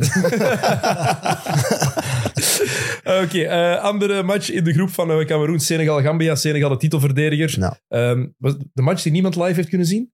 Ja, eh, ja, dat was... ik denk dat tussen minuut 30 en, en de rust was dat niemand eh, er zicht op heeft. Eh, er is een rode kaartje gevallen, er zijn nog altijd geen beelden van. Ja, het is, ja, dat is helaas een beetje het jammeren aan dat erbij hoort, maar het lag blijkbaar aan de satellietverbindingen. Dus Ja. het lag niet aan de, de IPTV's en de streaming sites, het lag echt gewoon puur aan het feit van de beelden zijn nergens naar buiten geraakt. Zoals dat, ja, Maar die denk- rode kaart van Adams, ik heb die wel gezien, denk ik. Ah, jij wel? Ja. ik heb ze niet... Ik heb hem gezien. Het was een, eh, zo'n fout waar je van denkt, als er VAR is, ben je gatachterlijk om dat te doen. Ja, Ja, Trap er hè, van achter. Op die, op die Achillespees Hij trappen. is zo twee keer op zijn enkel gaan staan. Zo, zo. Echt door die Achillespees, maar zo ja. te duidelijk dat je, dat je van weet, doet dat in, in eerste provinciaal. Ja. Of in, in tweede amateur. Dan, gaan ze, dan, dan ga je ermee wegkomen. Maar niet als er een VAR is. Nee, ik heb dat wel gezien. Maar ik vond, vond het enige dat ik echt top vond bij wanneer dat, dat beeld wegviel. Ja, wij, wij, switchen, wij switchen zo tussen kanalen. Dus we, we kijken soms naar Ziggo, soms naar Sky Sports, soms naar Bein. En bij Bein waren ze er blijkbaar op voorbereid dat dat ooit ging gebeuren. En er stonden direct highlights klaar. En we hebben echt een half uur naar alle highlights van de vorige afkomst zitten kijken. En dan gingen we zo naar Sky Sports en daar stond gewoon sorry. dus, dus bij Bein Sports hadden ze wel zoiets van, ah, moest er iets gebeuren, we zijn klaar. Ik vond dat wel grappig. Die hebben ervaring met de Afrika. Ja, ja, die doen dat al langer. Van het spel van Senegal dat jullie hebben kunnen zien. Wat vonden jullie van Ja. de titelverdediger? Onze legend, vorige keer benoemd in onze preview, Camara. Niet normaal. Wauw, Niet normaal. wat een gast. Ja. Die is echt goed. Die was op de Afrika Cup U20 een jaar geleden, of twee jaar geleden, ook al de speler van het toernooi.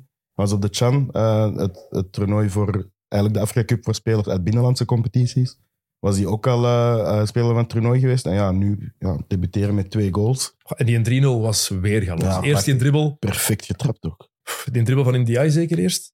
Ja. Op rechts. Oh. Doulet, dit, dat. Afleggen en dan winkelaak. Ah, dat was prachtig. Maar ik denk, voor mij was Senegal de beste ploeg dat ik heb gezien. Die, Ja. zijn, die, zijn, die zijn klaar voor het toernooi. Die zijn echt Ja. speeldag één direct bam tegen een goede ploeg ook. Want Gambia is gewoon een goede ploeg. Ja, ik vond die Een van de Ik vond die eigenlijk degelijk. Ik denk dat die Ja. rode kaart is gewoon zuur. Ja, dat was op dat moment 1-0 en Gambia had ook wel kansjes. Ja, die starten supergoed, hè, want de eerste kans is voor hun. En dan Senegal even wakker geschud en dan direct 1-0. Maar dat is echt wel een goede ploeg. Dus ik vond Senegal echt supersterk. En Mané is ja, fris uit het huwelijk. Hè? Dus hij is net getrouwd, de vorige Ja. week of twee weken geleden. Dus Ja. die leeft de witte broodsweken op de Afrika Cup. Dus die is, is misschien klaar. Hè? Het was ook zo... Kijk zoals- naar mij, Dennis. Jij Ik, ben, ik ben aan het wachten wat er nog gaat komen gewoon. Ik denk, Ja, nee, maar er was heel veel op te doen op ja, daarom ik was aan het wachten wat je nog ging zeggen.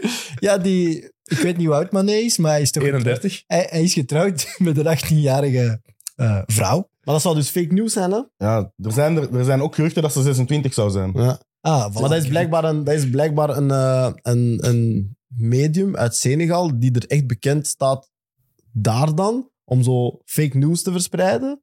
Maar dat hier blijkbaar super legit wordt gezien. Want wij hebben dat ook echt moeten vragen aan mensen van Senegal. Van, joh, wat En wat gebeurt er zeggen daar? die? En die zeggen van nee, die is gewoon 26. En er, was dan, er is dan blijkbaar een video geweest van haar vader die dan zegt Ja? van ah, dat is mijn dochter. Die, Die heb ik 18. gezien. Ja, dat zou dus niet haar vader zijn. dat zou dus gewoon een gast zijn dat ze zeg. betaald hebben. Ik om- word er gewoon ingeluisterd. ja, maar, ja, maar wij, waren ook, wij waren ook in de groepchat bezig. Hè, want bij ons zit er een Senegalees, Cher. Dus wij tegen Cher van, wat gebeurt er allemaal? En hij zo, nee, maar die pagina, je moet dat niet vertrouwen. En zo links beginnen doorsturen van, nee, het is dit en het is dat. En wij hebben ze er echt research naar moeten doen om zo van, ah, dat is helemaal niet waar. Maar zo echt een video met de vader en zo, ja, it's my daughter. En zo, nee, helemaal niks. Dus, blijkbaar is dus we weten het niet. Ja, blijkbaar is CNN News dus geen kwaliteitskrant in Senegal. Nee. CNN News. Dat is... Ze was 18 jaar en ze waren al 6 jaar samen. Ja. Dus toen moesten alle alarmbellen wel afgaan. Ja, ja, dat, bij ons- dat kan zo'n voetballer toch niet maken? Bij ons was het op Telegram ook ineens zo ping, ping, ping, ping, ping, ping. En links en zo. Maar ja, crazy shit. Hoort erbij. Maar hij is dan wel gelukkig getrouwd. Ik Hij ziet er gelukkig uit, toch? hè? Ja. voilà. Die foto leek echt. Ja, Ja. tegenwoordig. Ja. fake tegenwoordig zijn. alles maken. Hè. Maar het was wel zo, zowel Senegal, ja, zij zijn aan titelhouder en Ivoorkust eigenlijk de organiserend land. Dat zijn eigenlijk de twee die dat de meeste druk altijd moeten voelen. zijn eigenlijk de twee die dat het best hebben gespeeld. Dus daar valt het toch wel op dat ja, de, de druk die, die Ghana, Nigeria en Congo en Egypte allemaal met zich meedragen, dat is allemaal Heeft- groot. Maar de ik- titelhouder en een organiserend land zijn wel Mhm. echt degenen die de meeste En- druk hebben. Zeg maar. Ja, maar ik had erover nagedacht, want ik vond Senegal ook echt, ja, dat blijft voor mij de hoofdfavoriet. Nu zeker na die match, hebben die wel die druk, omdat die die vorige keer hebben gewonnen, denk ik net dat ze chiller zijn of zo. Als titelverdediger heb je altijd die druk. Maakt niet uit of die... ze hebben of het dat je- al gewonnen. Ja, maar dat Hun maakt niet carrière uit. is oké. Ja, maar er als wordt je- toch altijd veel verwacht. Dat is toch op Ja. WK's en EK's toch ook altijd zo. Naar de titelverdediger, daar kijk je altijd extra aandachtig naar. Omdat je denkt, En als kan je dit hem- nog eens doen. En als je hem wint en dan zo in je eerste match ja, 0-2 verliest. En Gambia ligt, ja, ik weet niet of dat je de map van Afrika kent, maar dat, ligt, dat is zo een strook eigenlijk binnen Senegal. Dus ja, als je dan verliest van eigenlijk een land dat bijna ja, omgeven is Ja. door jezelf. En dat is, dat is zoals België-Nederland bij zo'n spreken, een derby. Ja. Tegen je kleinere broertje, ja, dat kun je echt niet verliezen. Maar- Dus ik kan wel inbeelden dat er een druk op zit. Ja, maar misschien hadden ze de vorige editie toch iets meer druk. Ze moesten hem toen meer winnen dan nu. en Toen waren ze natuurlijk, de allemaal titelverdediger verwacht je altijd. Maar ik denk dat bijvoorbeeld Marokko deze editie meer druk dan Senegal heeft door het WK dat ze hebben afgelegd. Dus ik denk, ja, En eh Cissé, hè, ik vind dat wel, die doet wel goed. Aliou. Ja. Ja. En ook van, van, Die heeft wel heel veel rust in dat elftal. ja, en ook van opstelling veranderd ten opzichte van twee jaar geleden. Dat vond ik ook interessant. Want die kreeg vroeger heel veel kritiek over hij, hij wisselt niet vroeg genoeg en hij stelt altijd de die op, maar dan wint hij en dan is de kritiek weg. Mhm. Maar nu speelt hij met een 3-4-3 en ik vind dat ook interessant. Ik denk dat ze nu er misschien nog beter uitzien. Ze hebben misschien minder sterspelers dan de vorige keer, maar ze zien er eigenlijk iets beter uit. En ja, als je dan zo'n camera hebt, ja, En toen waren hun sterspelers ook allemaal... Ik denk dat Mané toen echt op het was. hoogtepunt van zijn Ja. carrière was. Koulibaly speelde toen inderdaad. nog net bij Napoli, Napoli, denk ik, in zijn laatste jaren. Mendy had toen net een Champions League gewonnen met, met Chelsea. Dus Ja. dan zit er misschien inderdaad nog iets meer druk op dan nu. Zeker omdat je hem nu al hebt gewonnen, zoals je gezegd. Dus het kan inderdaad wel zijn dat zij iets vrijer zijn in, ehm, ja, in druk van, van te presteren. En zo Camara, ja, dat brengt gewoon enorm veel nieuwe energie in zo'n elftal. Hè. Dat je ook Dat is nodig gelijk hebt, een hè. doku bij ons. Hè. Mhm. Ja. Ja. Die ploeg is echt, ah, oké, wow, we hebben Ja. een nieuwe ster. Er neemt heel veel druk bij bij de gasten die dat Ja. er al, eh, al bij zijn geweest, inderdaad. Ja. Je zei het al, Alex, Marokko. Ja. Dat wou ik daarnet zeggen. Als het gaat over druk, dan is dat wel een land Ja, dat dit jaar absoluut. heel veel druk voelt. 3-0 gewonnen. Overtuigend genoeg. Want 3-0 klinkt overtuigend, maar was het ook zo? Overtuigend genoeg, nee, vind ik persoonlijk. Bij momenten wel goed gespeeld. Maar ze hebben zich ook een beetje laten inslapen ergens in de wedstrijd. En daar moeten ze wel mee oppassen, want het was nu tegen een zwakke tegenstander. En tegen andere ploegen mogen dat niet doen. Maar dan denk ik wel, als ik kijk naar wie dat zij kunnen inbrengen, wie dat er op de bank zit, dan heb ik zoiets van, ah, dat wordt echt een probleem, jongen. Ja. Dus ehm, Het is ook het land, ze moeten het eigenlijk goed doen met de ploeg die ze hebben. Ja, sowieso. Maar ze staan er bekend om, hè, dat zegt dat ook altijd, om geen goede afkomst te spelen. Maar ik denk dat ze nu geen excuus meer hebben. Snap je? Je kunt dat ook niet meer gebruiken als je kijkt naar de kern, als je kijkt naar de re- resultaten van, van de voorbije maanden en jaren. Ze hebben geen excuus meer, ze moeten het gaan doen. Maar dan vind ik wel dat ze het, ja, als je niet 90 minuten heel goed speelt en 3-0 wint, ja, dan zijn ze wel klaar voor een toernooi en om ver te gaan. Het is ook een kunst om in een toernooi te groeien. Hè. Dus eh Zeker. je heel vaak dat er ploegen zijn. Ik weet dat Argentinië, die verloor hun eerste match op 2K bij wijze van spreken. Dus er zijn heel veel ploegen dat ja, naarmate het toernooi groeit, dat zij, dat zij hun vorm beginnen vinden. En vanaf dat je tegen toplanden komt, moet je echt, ja, dan moet je echt gaan beginnen presteren. Maar als je met dit kunt beginnen, zeker in een toernooi waarin dat de beste derde is doorgaan, denk als je drie punten hebt, dan zit je volgens mij sowieso al in de volgende ronde. Laat staan als je dan nog ja, tegen nog ja, allemaal zwakke landen moet gaan spelen, want dat heeft Marokko nu, denk ik, sowieso tot de kwartfinale bijna.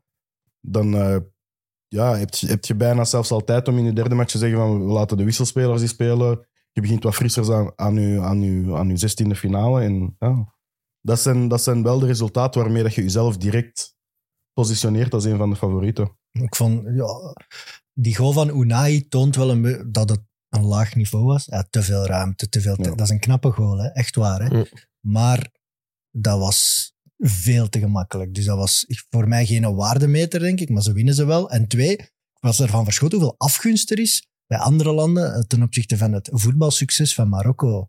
Je ziet, eh, er zijn toch een paar stevige interviews gebeurd over de invloed van Marokko op Ja. Afrikaanse voetbal ineens en op, op, op scheidsrechters en op de Afrikaanse voetbalbond. En dat, ehm, dat ze vinden dat Marokko eh, het voetbal heeft heruitgevonden in Afrika. En zo. Het wringt precies dat er succes is in Ja. Marokko. Wat ook niet denk Ja. ik, die tweede gele kaart.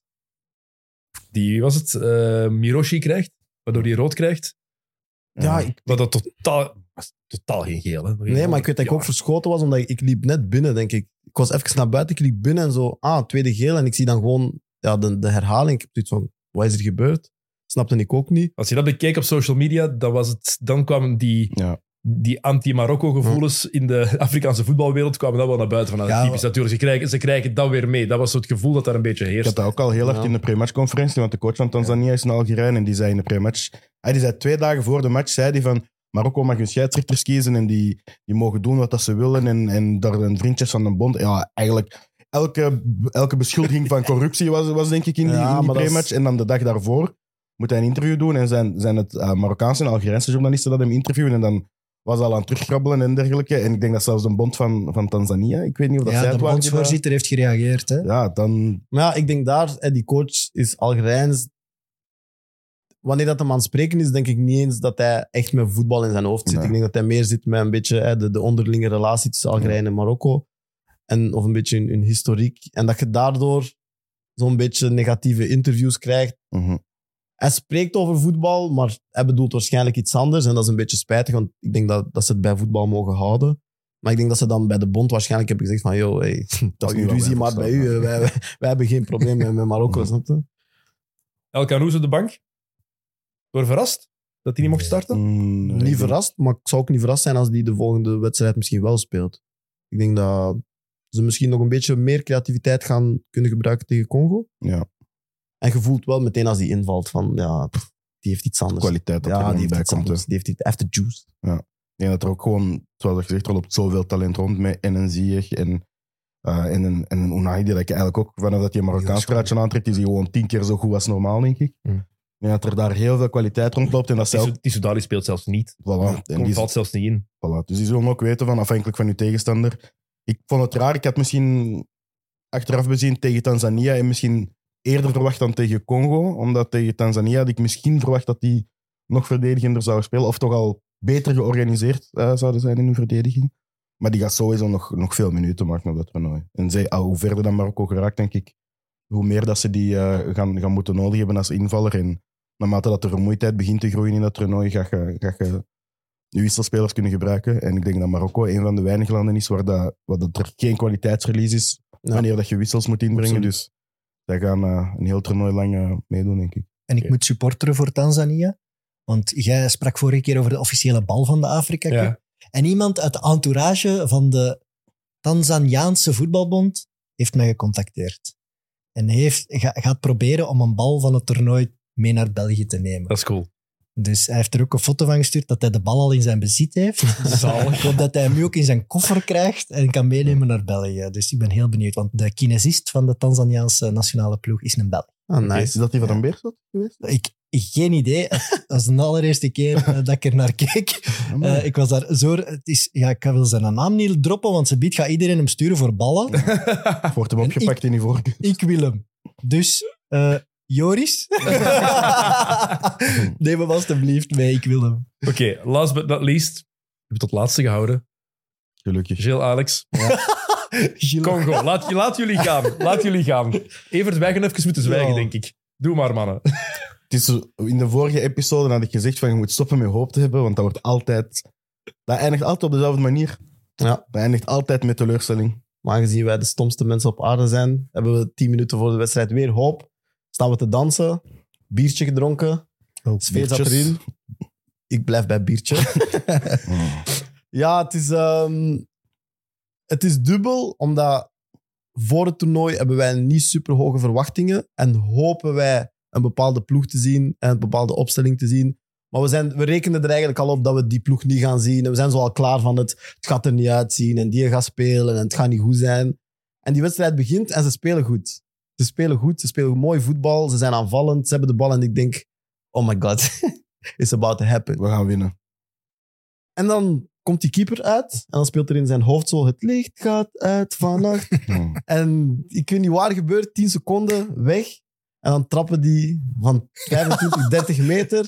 De bal botst, is er een verdediger die denkt van, ik knal hem weg. Hij trapt naast de bal, doelpunt. En ik denk zo, Ja, had ik een scenario moeten uitschrijven van wat gaat er gebeuren, was ik er waarschijnlijk bonk op geweest. Want dat is meestal hoe dat wij shit Ja. ervaren. En dan spelen we de rest van de wedstrijd wel nog goed. Maar gevoeld dat wij die ploeg gewoon 3-4-0 moesten verslaan. En dat is zo frustrerend. Ehm, ik heb een hele week zitten lachen met iedereen dat zat te stressen in de studio wanneer zijn land speelde. Maar ik heb het dan zelf moeten ervaren gisteren en dat was afschuwelijk. dat was niet leuk. Dat was niet leuk. Ik zat met mijn kap op. En dan hadden wij Wassim en Abdel die ons een beetje aan het pesten waren, want wij hebben hun een hele week gepest. Dus het was echt een moeilijke avond, jong. Echt een moeilijke avond. Het probleem is altijd hetzelfde. Hè. We, hebben, we, hebben, we hebben altijd zoveel ongeluk in alles wat we doen. Dat is, of dat het nu politiek is, of historisch, of op vakantie gaan. Er, er is altijd wel een probleem. Dat, dat, dat onze is eigen ervaring zo. vakantie. Ja, als je naar Congo gaat op vakantie, dat, dat, dat is altijd, je kijkt er naar uit. En vanaf dat je er bent, besef je ze eigenlijk van, ah ja, daar heb ik geen rekening mee gehouden. En dat is, Geef, geef eens een concreet voorbeeld, alsjeblieft. wanneer dat je in de luchthaven aankomt, maar ik wil, Dat is ik, de- wil, dat is- ik wil geen negatieve dingen over Congo zeggen. Nee, maar want dingen ik, is- ik hou echt van dat land en ik Ja, hou van de mensen. En dat is, dat is echt waar. Dat is de, de leukste cultuur, de, Absoluut. de, de leukste muziek, de, de Absoluut. mooiste vrouwen, het lekkerste eten. We hebben alles. Alles. Maar alles loopt Dat, niet. overtuigt, dat overtuigt mij wel om eens mee te gaan. Maar het is de... Ja, het is, ja. het is leuk. Het is Hebben we echt het nu over, leuk. hebben we het nu over de luchthaven. En dat is de beste en de gekste ervaring dat je meemaakt. Ja. Omdat je, je maakt, alles wat je daar meemaakt, zul je nooit op een andere luchthaven meemaken. En daarom is het niet super negatief. Het is gewoon, er is niks logisch aan. Ik, ik voel heel veel persoonlijke verhalen. Ja, ik, ja, Geef, geef, geef ons ik iets. vind dat wel knap. Dat, ah, dus je moet... Als je- Congo, als je- Congo als je speelt niet goed op de afkon. De luchthaven. Ja, maar dat is, dat is een schoolvoorbeeld. Want bijvoorbeeld als je op de luchthaven aankomt en je moet eh, je paspoort laten zien, is er altijd iemand die gaat zeggen van, ah ja, dat is niet in orde. Terwijl dat wel in orde is. Dan moet je betalen. Maar- wat? Nee, ik zal, ik zal, ik zal een, een voorbeeld geven toen dat ik terug naar België moest komen. Want ik ben een jaar geleden geweest, of twee Ja. jaar nu al. 2020 denk je. Nee, Nee, nee. Dat is al vier jaar geleden. Nee, nee, 22 of 23, ik weet niet meer. Ik ben in de zomer geweest en dus ehm, om terug uit Congo te reizen, moesten wij zo ja, een COVID-test hebben. Ik ging geen COVID-test gaan doen. We kennen niemand, dus ik betaal er gewoon voor. Ik kom toe aan de luchthaven en die gast zegt tegen mij, ja, dat is een valse test. Ik zeg, nee, dat is een echte test. Nee, dat is een valse test. Nee, dat is een echte test. Doen we zo even verder. Ik zeg, oké, ik bel dan iemand. Ik bel iemand, die komt dan toe, dat is zijn baas. Die maken dan ruzie. En hij zegt tegen mij, dat is een valse test, dat is een echte test. En ik zeg, ja, maar al was het een echte test, had jij gezegd dat het een valse test was, omdat ik dan gewoon 20 dollar moet afgeven. Dus wat maakt het uit dat het een echte of een valse is? Het gaat gewoon om het feit, ga ik betalen of niet? En ik ga niet betalen. Dus maken we ruzie. Ja, zijn baas komt dan, die zegt van, laat hem door. Ik ga door, maar zo tien minuten later komt er dan weer iemand met zo, dan moet ik mijn paspoort tonen. Ja, nee, dat is niet in orde. Dus het gaat er gewoon om zo van, on the stop moet je, ja, heb de tijd. Het is Daar altijd komt het op neer. Heb je tijd en wilt je 10 dollar afgeven of niet? Maar als je tijd hebt, is dat fucking grappig. Omdat je denkt, ik ga hier met iedereen ruzie maken. en ik ga verder. En je wordt dan teruggeroepen. Maar dan komt er een baas toe. Dus dan zijn ze kalm. En dan, Eh, maar het is leuk, het is banter. Het is zo'n beetje elkaar pesten. Maar als je geen tijd hebt, is dat afschuwelijk. En dat is waarom we nooit winnen op toernooien. exact waarom we nooit winnen op toernooien. Maar er zijn knappe vrouwen en je kunt mooiste. er goed eten. De mooiste, muziek, het beste. lekkerste eten, Beste, muziek, Dat, dat, daar, daar valt niet over te debatteren. Over, over eten en vrouwen laat ik de mensen debatteren. Ik vind dat we de beste hebben. Maar over de muziek kun je niet debatteren. En grave Congo. kostuums. Ja, Ja, Sapologie is, is, is het beste dat dat er is. Soms ben je als Congolees, heb je zo... Iedereen doet in zijn leven zo wel eens een aankoop dat je denkt van... Ah, waarom heb ik dat gedaan? En dat is het sapeur zijn. Maar ik denk dat mijn stiefvader zegt altijd, mijn stiefvader zegt altijd, Congo heeft zoveel gekregen dat je ook heel veel gaat moeten afgeven. Ja. En dan denk ik, het voetbal is een van de dingen die wij helaas... We hebben supergoeie spelers, maar ik weet niet wat er gebeurt. Ik weet het niet, jong. Het, probleem, het probleem was bijvoorbeeld eh, het vorige toernooi, ehm, de kwalificatie tegen, tegen Marokko voor het WK. Daar liep er zo heel veel mis. En je hebt zo het idee van, ah, toen zaten wij met een keeper die geen ploeg had. Nu hebben we eindelijk een keeper die eh, in Frankrijk speelt. En die speelde tegen Gabon bijvoorbeeld. Dat was de laatste wedstrijd voor de kwalificatie voor die toernooi. Speelde die een topwedstrijd. Ik denk, zonder hem waren wij nooit op die toernooi geweest. Dus ik had zoiets van, eindelijk, daar kan ik op vertrouwen. Ja, minuut 28, die, die komt daar uit als een kamikaze uit zijn 16. De ingooi wordt genomen en die ligt nog op de grond en die beseft dan van, ah, ze gaan niet stoppen. Ja, en dan trapt er iemand van op, van op 30 meter. De enige, het enige schot dat eh, Zambia heeft gehad in die hele wedstrijd. Want ik was bang van Patson Daka, maar blijkbaar moest ik bang zijn aan inworpen. Heeft enige shot in die wedstrijd. We hebben er 25 gehad. Eh, ik weet niet op wie dat ze hebben gericht met momenten, maar Bakambu heeft, heeft ballen de tribune ingetrapt. Een Kakuta. klein, een klein, klein beetje clementie voor die doelman is. Die knalt die gast zo hard omver dat ik niet had gedacht dat die, dat die ging rechtstaan en ging lopen naar de ingooi. Want die gooit ook nog zelf in, hè, die spits. Ja. Dus dat vond ik wel Maar- de move van de speeldag, Het die ergste spits. is op dat moment, hij knalt tegen die aanvaller. En wij zitten allemaal te roepen, blijft liggen. Ja, Ja, doe alsof Want je als aan je je als hoofd keeper hebt. blijft liggen, dan mogen ze concussion niet verder protocol. spelen. Dus we hebben zoiets van, gelijk, blijf ja. liggen, blijf liggen. Nee, maar hij staat recht en hij begint met de, de ref te discussiëren. Ik heb zoiets van, vriend, dat is niet het moment. Loop, loop terug of blijf liggen. Maar het is, het is zo spijtig, omdat wij echt goed hebben gespeeld, vond ik. Allee, veel beter dan, dan wat mijn verwachtingen waren. En ik had echt zoiets van, ah, we hebben een goede ploeg, we hebben een goed middenveld. Onze flankspelers waren goed. Bongonda vond ik heel goed Dat is top. Ik vond Kakuta en Bakambu een beetje minder, maar we hebben wisselspelers, dus ik had echt zoiets van, ah, en als we nu drie punten pakken, dan kunnen we tegen Marokko, dan maakt het niet zoveel uit, want Marokko is wel heel sterk. Maar nu is het weer zoiets van, oh, Druk, hè? Nu, gaat Ja. je, nu gaat je al moeten rekenen vanaf je eerste wedstrijd. En dat is jammer, want eh, ik, we waren in de studio, denk ik met een man of twintig. En eh, iemand zei daar dat de eerste keer dat ik Congo goed zie spelen en dat, ik- dat de kwaliteit van mijn beeld goed is. Want ik kan mij niet inbeelden. Dat is- ik heb, dat is- ja, tot gisteren heb ik nog nooit een match van Congo in HD gezien. Hè? ik wel, maar toen waren ze niet goed. Op Eurosport. Ja, ja, toen was inderdaad een goede match van Congo Ja, in HD gezien. Een goede match en goede kwaliteit. dat is mij nog nooit. Dus Nee, dat was de eerste inderdaad. keer en dan spelen wij gelijk omdat hij zo'n domme goal Ja, incasseren. maar ze hebben wel goed gespeeld. Dit moet, geeft dat niet een klein beetje hoop? Nee, want Nee, ik stop nee. Elke keer als ik het woord hoop hoor, zegt er iets in mijn brein. Nee, stop, stop, blokkeer dat. We gaan maar niet aan meedoen. Eh, nee, want het feit is van, als wij zoveel kansen hebben en ze niet afwerken, ja, dat baart mij heel veel zorgen. Je krijgt Als- nog de zwakste ploeg van de poelen. Hè? En met vier punten gaat het door. Ja, Ja, met Maar- vier punten gaat het doorgaan. Hè? ja, maar als je in die laatste match, als het, ik ga ervan, ik, ik reken niet op niks tegen Marokko. hè. Voor mij is die match al 0-3 verloren. Nee, we gaan winnen. Niet Succes. Doen. Nee, niet doen. Ja, Niet succes. doen. Dat is, zoals, dat is zoals nu een reis naar Congo boeken en denken dat je op 10 minuten door de luchthaven bent. Dat gaat niet gebeuren. Dat is niet erg. Dus ik, Maar ja, in mijn hoofd, mijn, dit is, met protocol kan het. wacht, dit is mijn, ja, dat gaat niet lukken. Dit is mijn scenario. Privéjet. Dit Toch, Gilles? Nou, dat gaat niet lukken. Dit is mijn scenario. Je hebt één op zes. Je gaat maar de wedstrijd Laatste tegen match, Tanzania ja. toeleven. Ja. Wat, wat doe je als tijdens rust 0-0 is? Iedereen panikeert toch? Nee, gewoon iedereen erop. KMB erop, Banza erop, Silas erop. Gewoon, hoeveel mogen hoeveel mogen we wisselen? Vijf? Vijf wissels Direct. op drie momenten. Alle vijf. Maar ik blijf Ja. bij winnen de afkom, hè. Ja, is goed, Ik jong. blijf erbij. Kun je je dat 20, voorstellen? 40 of... eh? Nee, dit, kun je dat, kun je je voorstellen dat Congo nu afkom wint? En dat Nee. België het EK wint? Ja, Op zes maanden tijd. dat zou mega zijn. Ik stop met alles, hè. Na Ik een stop- oefenmatch. Ja, ik stop het YouTube-kanaal van Koelkast gaat offline. Hè. Wat- Ik ga gewoon terug naar de fabriek.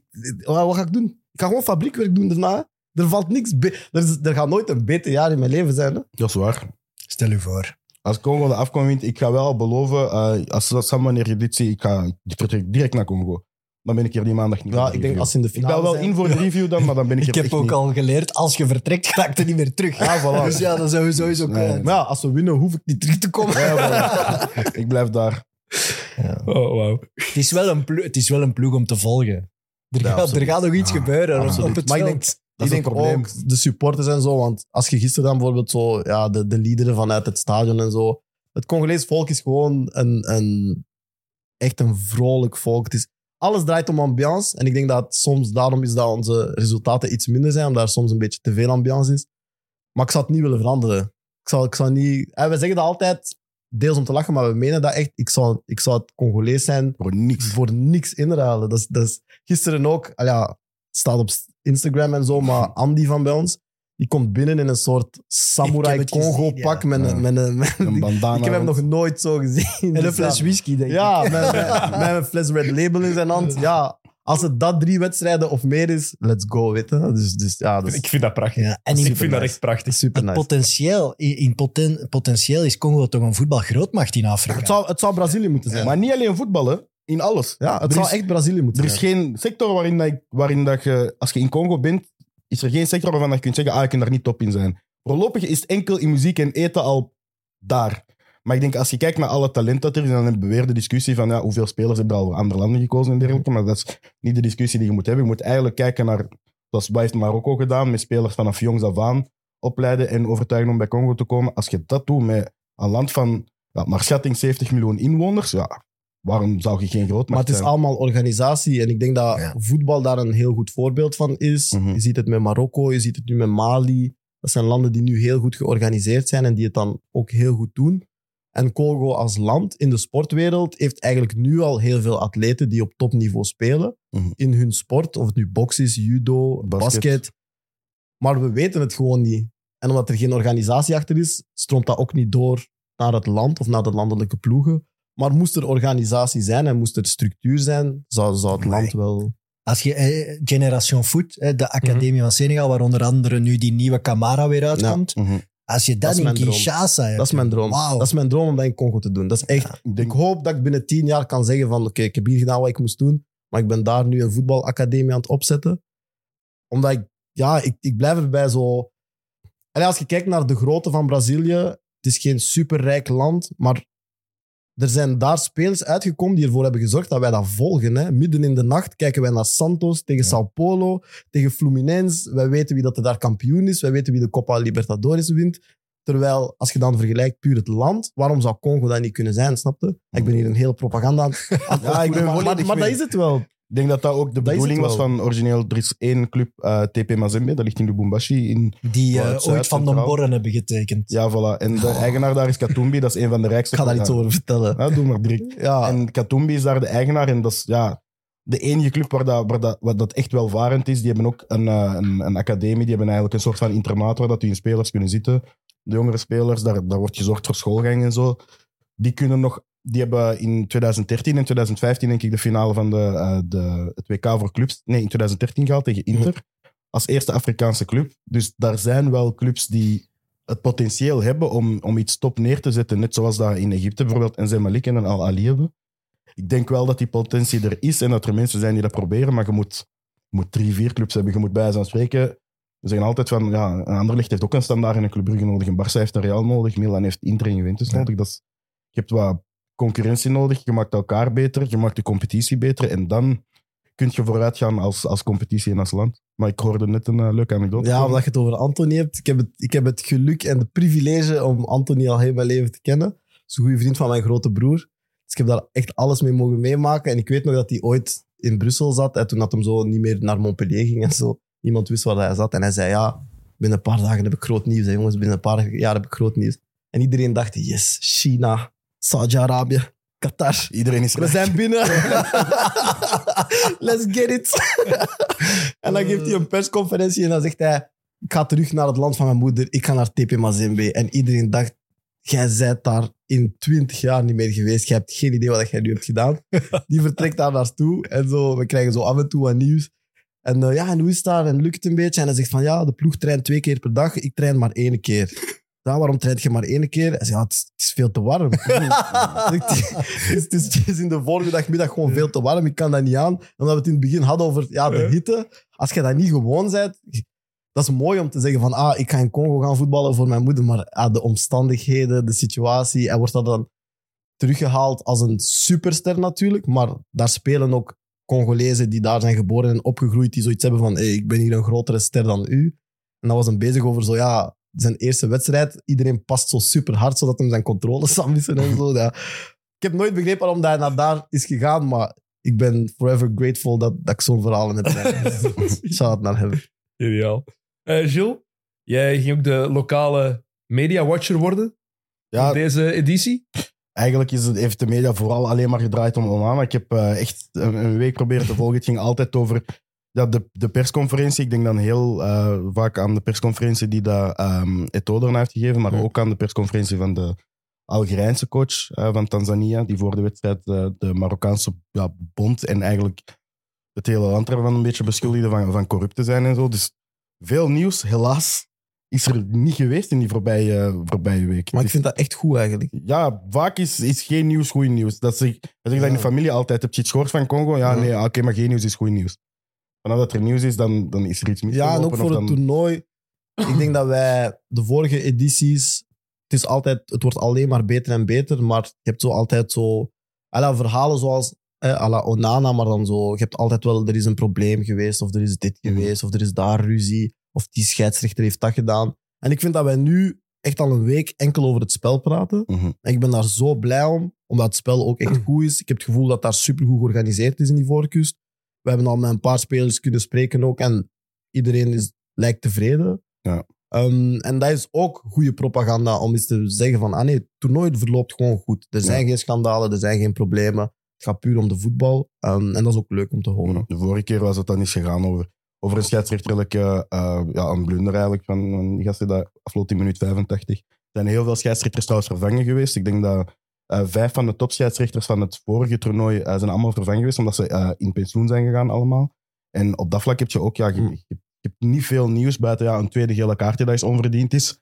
Maar dat zijn, ja, dat zijn dingen die in het voetbal Ja, overal gebeuren en vaker gebeuren. Dus ik heb wel zo'n idee van, er is een heel positieve connotatie op. Ehm, ja, in de media waar te volgen is natuurlijk.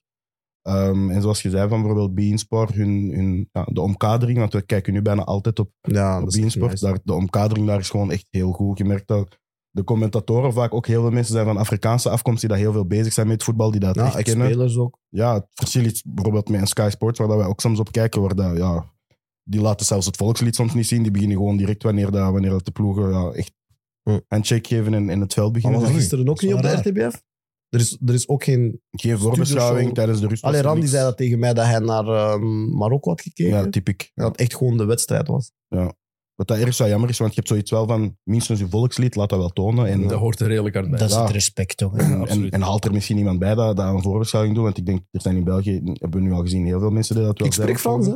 Ah, voilà. Dus er zijn veel mensen dat het zijn aan het Maar daar opvolgen. ga ik nu eens op letten. Dat Tipic geen omkadering zou doen. Dat is wat ik heb... van. eh, Ja, ik heb het gisteren nog gekeken. Ik was nog met, met mijn app terug aan het kijken. En dat is echt effectief. Van, eh, net na het volkslied ja, begon de, de uitzending. En dan tijdens de Bizar. rust was er eigenlijk ook vrij weinig eh, te beleven. Dus Oké.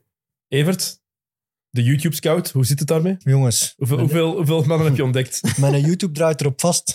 zoveel, zoveel dat ik moet gaan zoeken op, op obscure bronnen. Maar ik heb er een paar en er staan er ook al een paar in Gilles en elftal van de week. Ja. Dus dat is wel toevallig. elftal van de week gaan we zo meteen ook Ja. doen, maar eerst, eerst uw YouTube Ik heb er drie, vier. Dus eh Enkada, rechts een bak van Guinea-Bissau, is, is jammer genoeg misschien een paar jaar te oud al. Ik denk dat hij al 24 is. Maar ik zou hem toch pakken, want hij is nog goed, heel goedkoop. En dat was echt goed. Welk niveau? Eh, dat is wel KV Mechelen. Zulte Waregem, Kortrijk. eh, ja, dus dat, dat hoeft niet play-off 1 te zijn. De twee andere wel. Abdelmonim, een bangelijke centrale Van Egypte. verdediger van Egypte. Maar zit wel al bij Al-Ali. En Ja. ik, ik, in mijn research heb ik wel gevonden dat die heel ho- goed betalen. ja, ja. Ja, dat is, Voor- dat, is- dat is een voor- topclub. Ja, dat- Ja. dus Gaat heel moeilijk worden. ja, en is maar 24, is eh, een meter in de 90, is echt, heeft klasse. Dus dat is wel play-off 1, denk ik. Als je die wilt gaan wegkopen, ga dat Eigenlijk moet moeten iets afspreken met Lyon te zeggen van wij kopen hem nu en jij koopt hem van ons volgende zoiets, ja. Via want Botafogo naar Lyon en dan Ja, naar... en dan ja. RWDM uitgeleend. Ja. Is. Je moet hem overtuigen met, als hij nog carrière wil maken aan Europese subtop, top, dan moet hij wel langs een Belgische topclub komen, denk ik. En ik denk wel dat hij dat potentieel heeft, ondanks dat hij al 24 is en daar speelt. Maar Alali is zo'n topclub, maar hij is echt goed. Mhm. En dan ja, die, die nummer 9 van Namibië, hè, van de Leopards. Ik zou die toch gaan scouten. Allee, wie weet is dat de ontdekking, hè? Die gast speelt bij de Black Leopards. Dat is geen eens echt een, een, een topploeg in Zuid-Afrika. Die valt in bij Namibië. Ik heb die een paar dingen zien doen. Hij heeft drive, energie, is groot, toch vrij snel. Ik zou die gaan, ja, hoe heet hem? Ja, ik zou hem toch gaan pakken. Volgens Transfermarkt was 2 of 300.000 euro. Dat is klein geld, toch? Koop je. Voor het Belgisch voetbal. Zeker. Voor de clubs die geld hebben is dat gemakkelijk. Ja. Ja. En dan bij Burkina Faso had ik nog een buitenspeler. Eh Bangré. Ik vond dat wel. Die had acties in huis. Ik zie daar... Ja, die zou ik ook zeker in toog houden. Bangré. Hoeveel Burki eh Burkinezen hebben nu al gehad bij Mechelen? Al twee. Twee. Ja. Twee, ja. Het is tijd, hè? Ja. En ja, eh Olshenny maakt dan zijn debuut de tweede speeldag. Dat is blijft al Sherry, dat is zo goed. Eh, ik zou daar zeker naar kijken, want dat, gaf, dat is volgens mij echt een fenomeen. Oké. Ja, Nee. Ik ben aan het hypen hè, rond. Ik weet het, ik ben heel Maar benieuwd om te zien spelen. Ik denk dat Club Brugge te laat gaat het is zijn. ook heel moeilijk om hem niet- in plaats van ze te zeggen, on Shenny. Ja. Dat is... Ze moeten hem eigenlijk nu... Ze moeten vertrouwen op mij en hem nu al kopen. Oké. Ja. Vertrouw op Evert. Ja. Met of zonder percentage voor Evert? Hm? Met of zonder percentage voor Evert? Oh, maar 10 Zet hem aan het werken, hè? 10, 10 procent. Ah, dat dat oké, wat, toch? Ja, ja. Ja. Mag dat nog? 10%. ja. Ik weet dat niet. Ik doe wat ik wil, Ik Gilles. zal het nog snel, snel proberen. Dat is al een niveau van corruptie dat we al lang niet hebben gezien. Het team van de week. Eh, er is ook een officieel Afrika Cup team van de week. Ik zal Ja. even zeggen wat het is. Gilles, je hebt jouw team al gemaakt. We Ja. gaan jullie gaan overleggen wat jullie team van de week wordt. Dan gaan we Ja. het elke week wat aanpassen. Eh, het officiële team is in doel Owono. Dus ik, Ja. zal, ik zal het per linie doen. Ja. Kunnen jullie zeggen, akkoord, niet akkoord, wie moet daaruit? Dus officieel is Owono de Ja, keeper niet- van de week. Niet akkoord. Ja, Ik ga akkoord. Ik heb hem op mijn bladje staan. iedereen maakt fouten. Ik vind het, het truitje van de keeper van Namibië verdient mijn stem voor doelman van het toernooi. Het truitje. Ja, die fantastisch truitje. De, Ja, de dat goalie van Namibië heeft een soort tapijt, kleurvol, ja. tapijt eh, Ja. pat- patroon. Maar- Is het- geïnspireerd naar hun ten- tenue in eh, 1980 trouwens. En zie je van, ja, Ja, wauw. echt waar. Nee. Het maakt niet uit wat je doet, team van de week. truitje. Ja, doelman van Namibië. Dat zal voor één speeldag zijn, maar gewoon voor dat truitje. En dat was goed. Hij heeft een 0 gehouden tegen Tunesië. Ja. Hey, dat is toch een topprestatie, vind ik, voor een Ja, keeper. maar is het 2 tegen 1, hè? Alex, sorry. Ik heb niet gezegd dat En het slecht koffie, is. hè. hè? Koffie had ook gekund. Koffie was ook top. Ja. Maar het wordt Kazapoba. Ja. Oké, goed. Ehm, zij spelen met drie verdedigers in het eh, team van de week. Eh Sais, Jiku en Sunzu zijn de drie verdedigers die zij gekozen hebben. Size van Marokko snap ik. Ja. Ja. Daar ken ik... eh, Ik heb hem ook staan. Maar daar zult ook weer tegen zijn. Nee, Tegen Sais. Oké, Ik heb Saïs staan, ja. Maar ik heb wel vier verdedigers gekozen. ik ook. jullie gaan voor vier verdedigers. Ja, Komt ja. Sais erin, ja of nee? Ja. Oké. Oké, ja. Ik mee leven. Ja. Wie zijn de drie anderen? Size is centraal, hè? Je weet wie dat ik heb. Heb jij Jiku van Ghana? Nee, je weet ah, wie ik heb. Ja, sowieso. Ja, maar ik ga nooit tegen Congo zijn. Nee. Chancel. Ja. We zijn er twee. Eh, die, die van Ivoorkust, die ik niet goed genoeg vond. Jij weet, want jij hebt hem gezegd, een jong talent die een grote transfer ging maken. Die vond ik wel indrukwekkend, maar ik was zijn naam Eh, kwijt. Ja, eh Diomande? Ja, die- Diomandé. Ja, Ja, maar we zijn al met twee tegen één. Hè. oké. Ik ben al mee in de Congolese propaganda gestapt. Dat kun je helaas niet winnen. Was, was Chancel betrokken bij die klungelgoal? Nee. Wat mij betreft is iedereen betrokken. Ja, maar ja, ik denk dat we die inzetten. Iedereen is medeplichtig. ja, ja, ja, ja. Allee, ik geef hem het voordeel van de twijfel dan. Mooi. Chancel is ook... Ja. Dat, is, dat, dat, dat, is echt, Jij hoopt nog. dat is echt een man naar mijn hart. Dat, dat, allee. Toch? Genre, als ik een zoon zou krijgen dit jaar, noemt hij Chancel. Dit jaar ook. Dit jaar. Oh, is dat geen naam? Eh, Chancel Winkelmans. de naam is vorige week gekozen. Ik ga er niet terug over beginnen. Was er ook met stemmen? Wordt Fox en Kaja. Stel u voor. Als je dat erdoor krijgt, Ja. echt. Ik ga het nog niet verklappen. We hebben nog vier afleveringen. Ja. Dus wij hebben Saiz... Saizer en Bemba hebben we. Ja, ja. Kan ik mee leven. Ja. Wie zijn de andere twee? Ik vond ehm eh, Mo- Mozambique, ehm, dat is een van de ploegen trouwens, dat wil ik nog zeggen, die ehm, ja, echt leven met één speler die ver boven de rest uitsteekt. Hm. Eh, ik herinner me dat een Zlatan dat heel vaak had bij Zweden. Eh Kondogbia heeft dat bij Centraal-Afrikaanse Republiek ook. Maar Reinildo, de linksback van Atletico, ik vond die, ja, die moest defensief tegen Salah spelen en heeft eigenlijk... Ja, Salah heeft een doelpunt en een assist, maar dat was een penalty en een gemiste controle, vind ik. Eh, voor de rest heeft hij Salah eigenlijk heel goed kunnen volgen. Wanneer dat Salah naar binnen ging, heeft het middenveld dat kunnen overpakken en heeft hij meer de verdediging geholpen. Je hebt Hij een was- assist gekregen voor die gemiste controle. Ja, Salah heeft een doelpunt en een assist, zo Oh, gezegd. nee. Ja, ja, ja. Welkom bij voetbal, Dennis. Ja. Nee, nee, maar nee. Maar nee, nee. ja. Voor dat er. ja. Ja, ja. Ah, sorry, maar dat gebeurt in een basket ook. Hè, van die Ja, zo vier rebounds als je zo, zelf, als je zo doet. Ja, die raken de bal tenminste. Die heeft die bal zelfs niet geraakt. Ja, ja, Kom. ja. Dus, maar ik moet wel zeggen, Reinildo en hij stond een andere speler, die heette Gildo, stonden die samen op de linkerflank. Vond die, uh, mede dankzij Reinildo, heel goed spelen. Dus volgens mij, voor mij is dat mijn linksback van mijn team dat toernooi, momenteel. Ik heb uh, Ait Nouri van Algerije. Ik ik vond die geweldig spelen. Ik vond dat misschien de beste speler, maar het is ook een beetje zo een chouchou. Hè. Dus, ja, super technisch, altijd dribbelen, altijd aanvallend. Ehm, heel hard gegroeid ook de laatste jaren. Mhm. Eh, maar ik vond hem super hard spelen, dus ik heb uh, Ait Nouri, maar ik zou kunnen leven met uh, Renildo. Renildo. Oké. Dan nog eentje. De, de rechtsback. De laatste die we nog nodig hebben. Voorlopig heb ik eh Enkada van Guinea-Bissau. Eh, Dat Mhm. was de eerste die ik eh, zelf had opgeschreven. Omdat ik, eh, ja, ik vond dat die tegen, tegen Ivorcus was het echt ja, een heel verdienstelijke match speelde. Die heeft eh, de linksbuiten van er toch ja, heel veel moeite gegeven en er heel lang uitgehouden. Dus voor mij was dat wel zoiets van verloren. Maar het was tegen Thuisland de openingsmatch. Dat is nooit gemakkelijk om te spelen. Zeker niet als, als kleine Guinea-Bissau. Dus eh, het was ook met gebrek aan echt een goede rechtsback te hebben gezien, dit toernooi. Ik heb daar Amari Traoré van Mali. Die heeft ook gescoord, die heeft man van de match gekregen. Ehm, en ik vond die super sterk spelen, dus ik heb daarvoor uh, Traoré gekozen. Is dat die die dat bij Lierse gevoetbald heeft? Oeh, Hij dat speelt bij Rennes nu. Hè?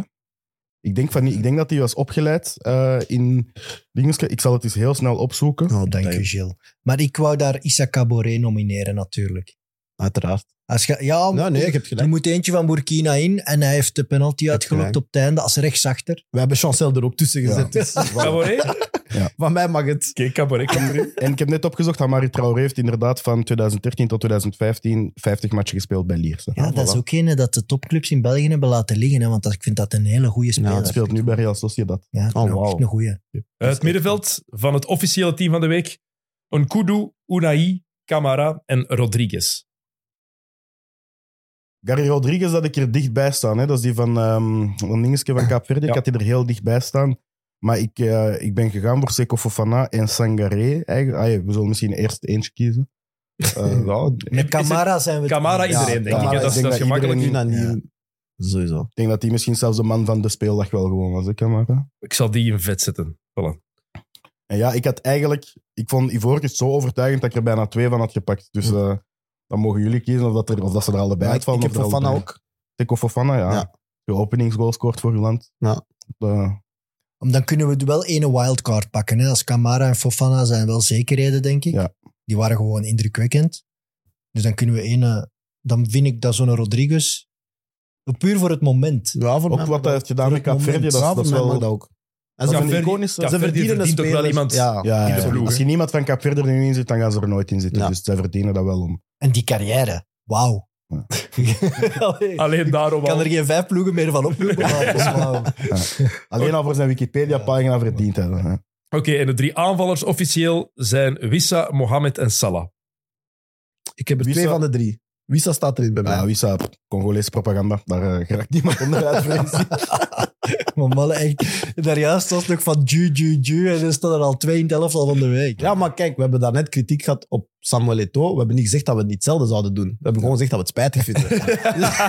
Er zouden zo Dus- goede bondsvoorzitters zijn. Duo Dat is de droom. Bondsvoorzitter van Congo. Ja. Nee, zo... Ik, nee. Dus ik weet niet wat de rol er net onder is. Dat zou ik willen doen. Hoofdjeugd op. De rol er net Of van zo die jeugdploegen en Jij, zo. jij bondsvoorzitter, hij de jeugd. Ja. Wat is het? Dus Wissa en wie was er nog? Het zal De andere twee waren Salah en Mohamed. Allebei Ja. Egypte. Ja, Salah heb ik ook. Maar ik heb in de spits eh Bounedja van Algerije. Ik had Voor die goal. Ja, maar... Want hij scoort er eentje en dan hebben we de tweede. Ja. Ergens wel terecht. Hij scoort hem wel. Het is de mooiste goal Ja. die niet geteld heeft. En hij scoort misschien. hem wel. Ja. Het telt niet, maar hij heeft het wel Ja. gedaan. Dat is ook een heel atypische Afrika Cup goal. Hè? Ja, maar dat is echt pff, zo controle, achteruit, omhaal. Ik vond Krasso in die wedstrijd tegen Ivoorkust ook wel... Ay, over Salah ben ik het al... Ja, ik weet niet of ik het daarmee eens ben. Je hebt hem er staan, hè? Zelf. Ja. Ja, maar ik ben, hoe langer dat ik erover praat, hoe minder dat ik het bij Ik ik wou hem eigenlijk niet inzetten, maar ik vond het moeilijk om een andere te vinden op de plek. Ja, de rechterflanken waren niet zo Nee. overtuigend. Maar ik was al de purist uithangen, maar ik vond er geen. En anders, en anders is het Bongonda, maar ik heb er al twee ingezet, dus ik kan er mee leven. Ik ben aan het kijken op mijn dingen, op mijn notities, waar ik echt Was Salah beter dan Bongo dan? een spits had die het, die het meer zou verdienen. Ik had Krasso van Ivoorkust. Ik kon die echt een, een topwedstrijd Ja, spelen. speelt, mo- scoort ook een mooi doel. Maar is dat een spits? Nee, toch? Het is Ja, een buitenspeler. Nee, die heeft spits gespeeld. Ja. Omdat Haller Dus wie wordt het? Ja. Ja. Eh, of Krasso? ik vind die Algerijn van die normaal. Was... Gewoon ja. voor dat moment. Oké. Dat gaat hij nooit niet meer doen en dan telt dat niet. dat is wel zonde. Dus Wissa, Bonedja en we dan, hè? Ja. Ja, ik kom mee leven. Dan is Casapua in de goal, dan Reinildo, Sais, Mbemba, Caboret. Ja. Van achter Camara, Fofana, Rodriguez, middenveld, Wissa, Bounedja, Salah. Ja, kan er mee leven. Ja. Dat is de ploeg van de week voor ons. Daar wint je de Afrika Cup mee. Daar, daar wint je de Champions League mee. Hopla. Oké, eh, wat hebben we nog? Eh Michiel, jij ging mijn eh, compleet gebrek aan kennis over de Afrika Cup Ja. even heel frappant duidelijk maken. Er is een eh, spel en dat heet Two Truths and a Lie. En, eh, Ik ga dat zo eh, afgaan elke week nu. eh, ik weet, in, in de allereerste aflevering dat er iemand van Koelkast hier zat, dat was Brian. Die ging Ja. het over Tinder. En op Tinder is er een concept en dat heet Two Truths and a Lie. Dus je zet daarin, zet je in je bio... Ja, ik zeg niet hoe dat ik dat weet. Zet je, eh, zet je drie statements Oh ja, en er zijn twee waar en één is een leugen. Dus ik heb mij op Tinder geïnspireerd en ik heb voor jullie dus drie statements. Wat is een leugen? De recordaanwezigheid in een AFCON-finale is groter dan die op een EK-finale. Tweede statement. Elk toernooi is er een team geweest dat voor de eerste keer meedeed. En het derde statement is, op het eerste toernooi werd de enige hattrick ooit in een finale gescoord. AFCON-toernooi. Wow. De eerste gaat over toeschouwers? Of? Ja. Het recordaanwezigheid in een AFCON-finale is groter dan die op een EK-finale. Dat geloof ik. Dat geloof ik ook wel. Ja, Ja. dat ben ik vrij Zo'n stadion Ja, waar dat 30.000 man in kan met 80.000 aanwezigen. dat eerste, moet, dat eerste moet waar zijn. Ehm, Die hattrick in de finale alleen de eerste editie. Op het maar eerste, de eerste toernooi editie was gewoon een finale, dat toch? was 1957. Dat was, met drie drie landen, dat was eigenlijk met vier ploegen, maar omdat er apartheid was in Zuid-Afrika, drie landen. hebben ze ze niet toegestaan. Maar ja, dat maakt niet veel uit. Hattrick is een hattrick. Ik geloof dat het tweede eh, fake is. Wat Het tweede statement was, elk toernooi is er een team geweest dat voor de eerste keer meedeed. Ah, dat kan wel, hè, want die in Afrika, kun je- die geschiedenis van altijd maar meer landen. Het was eerst eh, met drie, dan met vijf, heel lang. Dan, ah, met Ja, maar zes. ik ben aan het denken, is er dit jaar een ploeg voor de eerste keer bij? Ik denk dat niet. Dit jaar. Ja? Ik denk dat niet. Wacht. Door dit jaar kan hij wel gelijk hebben. Ik Ik ben zeg, aan dat, het ik zeg dat het derde een leugen is, die een hattrick. Dat is mijn Nam- gok. Namibië? Ja, nee. ik weet het niet. Dat is mijn gok. Ah, Alexanderen heeft mij overtuigd. Ik ga voor... Er is, er is inderdaad eh, geen debutant dit jaar. Dat dus, dan zeg je ook, je moet zeggen wat de leugen is. Hè? Ja? Dat is dan de Ja. leugen. Hè. Ah ja, oké. En jij zegt die net, Rick. Dennis, je moet vaker naar collega's luisteren. Ah. Eh, ik, zal, ik heb de cijfers trouwens opgezocht. Eh, in, Het is 19, allemaal... eh, zo. in 1990 ehm, speelde Algerije de finale eh, tegen Nigeria. Won Algerije de finale van Nigeria. En waren er 105.032 toeschouwers. De record op een EK-finale is ehm, tussen Spanje en de toenmalige Sovjet-Unie in 1964. Amai. Toen waren er in Madrid 79.115. Dus eh, een kleine 20, 25.000 mensen minder. Maar dat is was, dat met, van de sok ongeveer? Het lottopark? dat, was Een met, aantal meer was er dus. Ja. dat was dan met Thuisland. Omdat er zoveel volk was, toch? Ja. 105, Ja, en dat was eh, denk ik in Santiago Bernabeu, dus daar kan sowieso wel eh, zoveel. mensen. Nee, maar die Afrika Cup finale, waar was die? Dat was in Algiers, ja. Ah ja, ja, Ja, ja, dat snap ik. Dat snap ik. Oké. Dus waarschijnlijk iets meer dan dat er tickets zijn verkocht. Eh tweede statement was, elk toernooi is er een team geweest dat voor de eerste keer meedeed. Dat is niet waar, want dit toernooi deed er niemand voor het eerst mee. Namibië heeft al twee toernooien meegedaan, Ja. maar dit was hun eerste, Eerste wedstrijd. Ja. Ja. En het eh, derde was ook waar. Ad Diba scoorde vier keer in een 4-0 overwinning van Egypte op Ethiopië in 1957. En dat is de Snap je, enige- sinds 1957 doen die zo al van die dingen. Hè? Dan kun je, Ja. dan kun je toch snappen dat er eens wordt gefloten in een wedstrijd. Ah, prachtig. prachtig. Dus, eh, en dat is wel de enige keer dat er iemand drie keer... Hij deed het vier keer, maar dat was de enige keer dat er Ja. iemand drie of meer keer scoorde in een finale op de afkom. Oké, Nice. kijk, mooi. Eh, Evert, het is eh, straks ook de Gouden Schoen. Het is donderdag, vanaf de Gouden Schoen. Maar je zit al de hele tijd met een doos naast u. Heb je hem gestolen? En dat is eigenlijk... Dat zou het zijn. Dat is wel echt zijn. een, Hij heeft cliff, een Theo Maas een gedaan. cliffhanger. Moet ik, wat zit hier in Iets de veel belangrijker dan de Gouden Schoen. Het is ook van goud. Ik denk dat ze er bij VTM heel jaloers op zijn. Dat wel. Ik denk dat Aster veel liever dit zou uitreiken. Wat Het is Wauw. de officiële gouden krok van 2023 die nog moet worden overhandigd aan Koita. Die nu met Mauritanië op de afkon zit. Dus ik hou hem even bij totdat Koita terug is. Heel mooi. Dus ik vind dat ook wel graaf dat een gouden krokwinnaar op de afkon zit. Weet Ja. Mathieu Maartens, ja, die is daar niet geraakt. Van Zijr, die is daar niet geraakt. Ik, ik, voel, een, zit ik voel daar. een extra doel, een extra reden voor Gilles om naar daar te gaan. Hè. Om hem af te geven. Kan me dat lukken? Wauw. Ja, dat lukt u toch zeker. Dat is pas een opgave. Hem afgeven op het veld tijdens de Afrika Cup. Hier, uw Gouden Krok. Maar dan moet hem wel in het journaal van Mauritanië geraken. Met Nou, die overhandiging. Easily. Dat, dat, dat lukt wel. Ja? Moet Maar- in, in ons journaal geraken. Wat is dat nu? Was jullie via mij overhandigd, de gouden krok? Gaan we dat, dat zien of, dat we, of dat ik met Sam een akkoord krijg? voor- Oh, man. Maar je gaat snel moeten zijn, hè? Want Ja, ja, ja, ja. alle nederlaag, ze gaan eruit liggen, hè? Ik vind hem wel prachtig. Dus er, hij is voor de oplettende kijkers, hij is herwerkt. Dit is een betere versie. Dit is 2.0 versie van de Gouden Krok. Dus hij is extreem stevig. Hij is eh, met blinkend goud nu, niet meer met mat goud. Oké. Dus ja, er zijn echt wel serieus veel verbeterpunten aangebracht. Ja, een oproep aan de organisatie van de Gouden Schoen. Ja, verwerk dit erin. Hè. Het is een gemiste kans om de Gouden Krok niet uit te delen tijdens de Gouden Schoen. Ja, en- Tijdens het gala. Alleen bedoel, de kijkcijfers die je erbij krijgt via Bein Sport en zo, met de uitreiking aan Koita, gaan toch omhoog gaan. Dus Absoluut, ik, absoluut. allee, ik vind het vreemd dat DPG nog niet gebeld had. eigenlijk. Het kan misschien nog komen. en ik kan nog awards bedenken. Hè. Gilles, de Koster, Gilles de Koster kan dat, want die heeft het eigenlijk bedacht. Je kan nog programma's bedenken. Voilà. Voor daar zegt. Oké, Evert, het is ook zometeen weer verhaaltijd. Ja, en dat is, wel een, dat is wel een van mijn kindjes.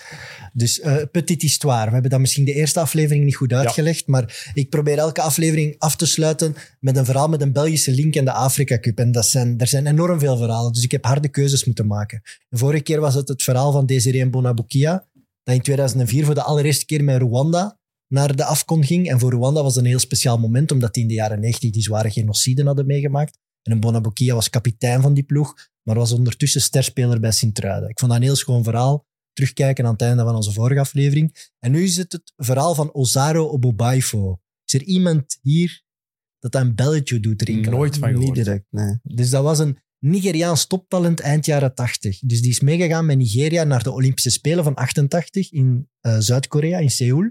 In een ploeg met Shidin Wanu van Anderlecht, eh Yekini, die uiteindelijk echt een cultheld is geworden voor Nigeria. En die speelden daar tegen Brazilië. Met Romario, Bebeto, Tafarel, Mazinho, de vader van Thiago en Mhm. Rafinha. Hè. Dus allemaal mannen die wereldkampioen zijn geworden in 94. Die spelen een grote match. En al die Nigerianen worden gescout door topclubs. Allemaal. En Obobaifo staat daar op het middenveld. Hij is echt, echt een toptalent van Nigeria. En iedereen maakt daar grote carrière en hij gaat naar Racing Genk. Racing Genk dat helemaal nieuw is op dat moment. Dat is het allereerste jaar van het bestaan van Racing Genk. Na de fusie. Het eerste jaar van de fusie komt hij daar te, en hij speelt maar twee matchen voor Genk, omdat hij te balverliefd is. Ja, Pierre Denier heeft daar eens een interview over gegeven. De trainer van toen, Jeff Vliers ook. Hij is te balverliefd. Op een gegeven moment moet hij zelfs alleen trainen op het B-terrein met een bal. Omdat ja, de conservatieve... Oh, die jongen die dribbelt alleen maar. Die geeft zijn bal niet af. Dus die komt van de Olympische Spelen tegen Romario op het bijveld bij Genk terecht. En ja, ja, carrière zit in slop. En de enige ploeg die hem wilt oppikken is Heultje. Heu- Heul, KFC Heultje in derde klasse België in de Kempen. En die pakken hem binnen en daar wordt hij natuurlijk wel de ster, want hij heeft zoveel talent. Echt een, eh, superspeler. Hij scoort daar goals. Hij zat dan 15 goals, denk ik, met de winterstop. Als middenvelder in derde klasse.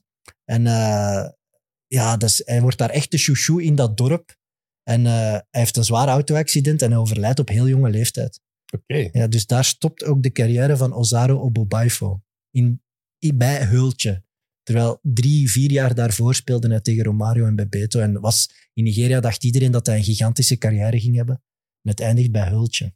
Maar hij heeft wel de winning goal gemaakt in een derby tegen Westerlo. Dus dat eigenlijk is zijn carrière zijn hoogtepunt. Onzin. Een strafverhaal, ja. Oké. Ja, Gek. ja. Petit Nice. is waar. Maar ik heb het al helemaal uitgelegd Ja, ik en nu gaan we het ook nog eens afspelen. Zullen we er misschien ervoor nog zetten dat Ja, maar ik vind... Dus is- vorige, vorige week heeft hij te weinig verteld. Ja, nu heeft hij heeft alles hij te veel verteld. Nee, Volgende week gaat het het juiste worden. Maar ik was mee, ik ben blij. Ja? Vorige week Ja, lees ik gewoon vooruit een boek. Iets helemaal anders. Eh, het verhaal van... le- Lees gewoon het interview met Tom Konings voor. Nee, ik ben nu echt heel benieuwd naar dat interview. Dat is waanzin. Oké.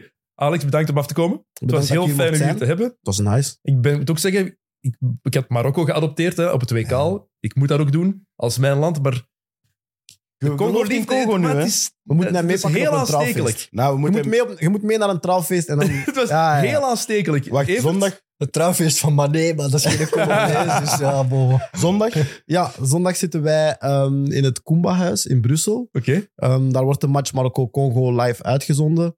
Dat is een samenwerking met het Afrika Museum. Ehm, maar we gaan daar dus ook een eh, Congolees-Marokkaans buffet hebben. Oh, cool. De mensen kunnen daarvoor inschrijven. Ze kunnen wat lekker eten, wat lekker drinken. Een beetje sfeer, naar de wedstrijd kijken en zo. En waar kunnen ze zich inschrijven? Eh, dat is op de website van Kumba zelf. Eh, maar de inkom om te komen kijken, dat is gratis. Je kunt gewoon binnenwandelen. Maar als je wilt boefen, dan moet je wel laten weten dat je iets wilt Ja, eten. tof.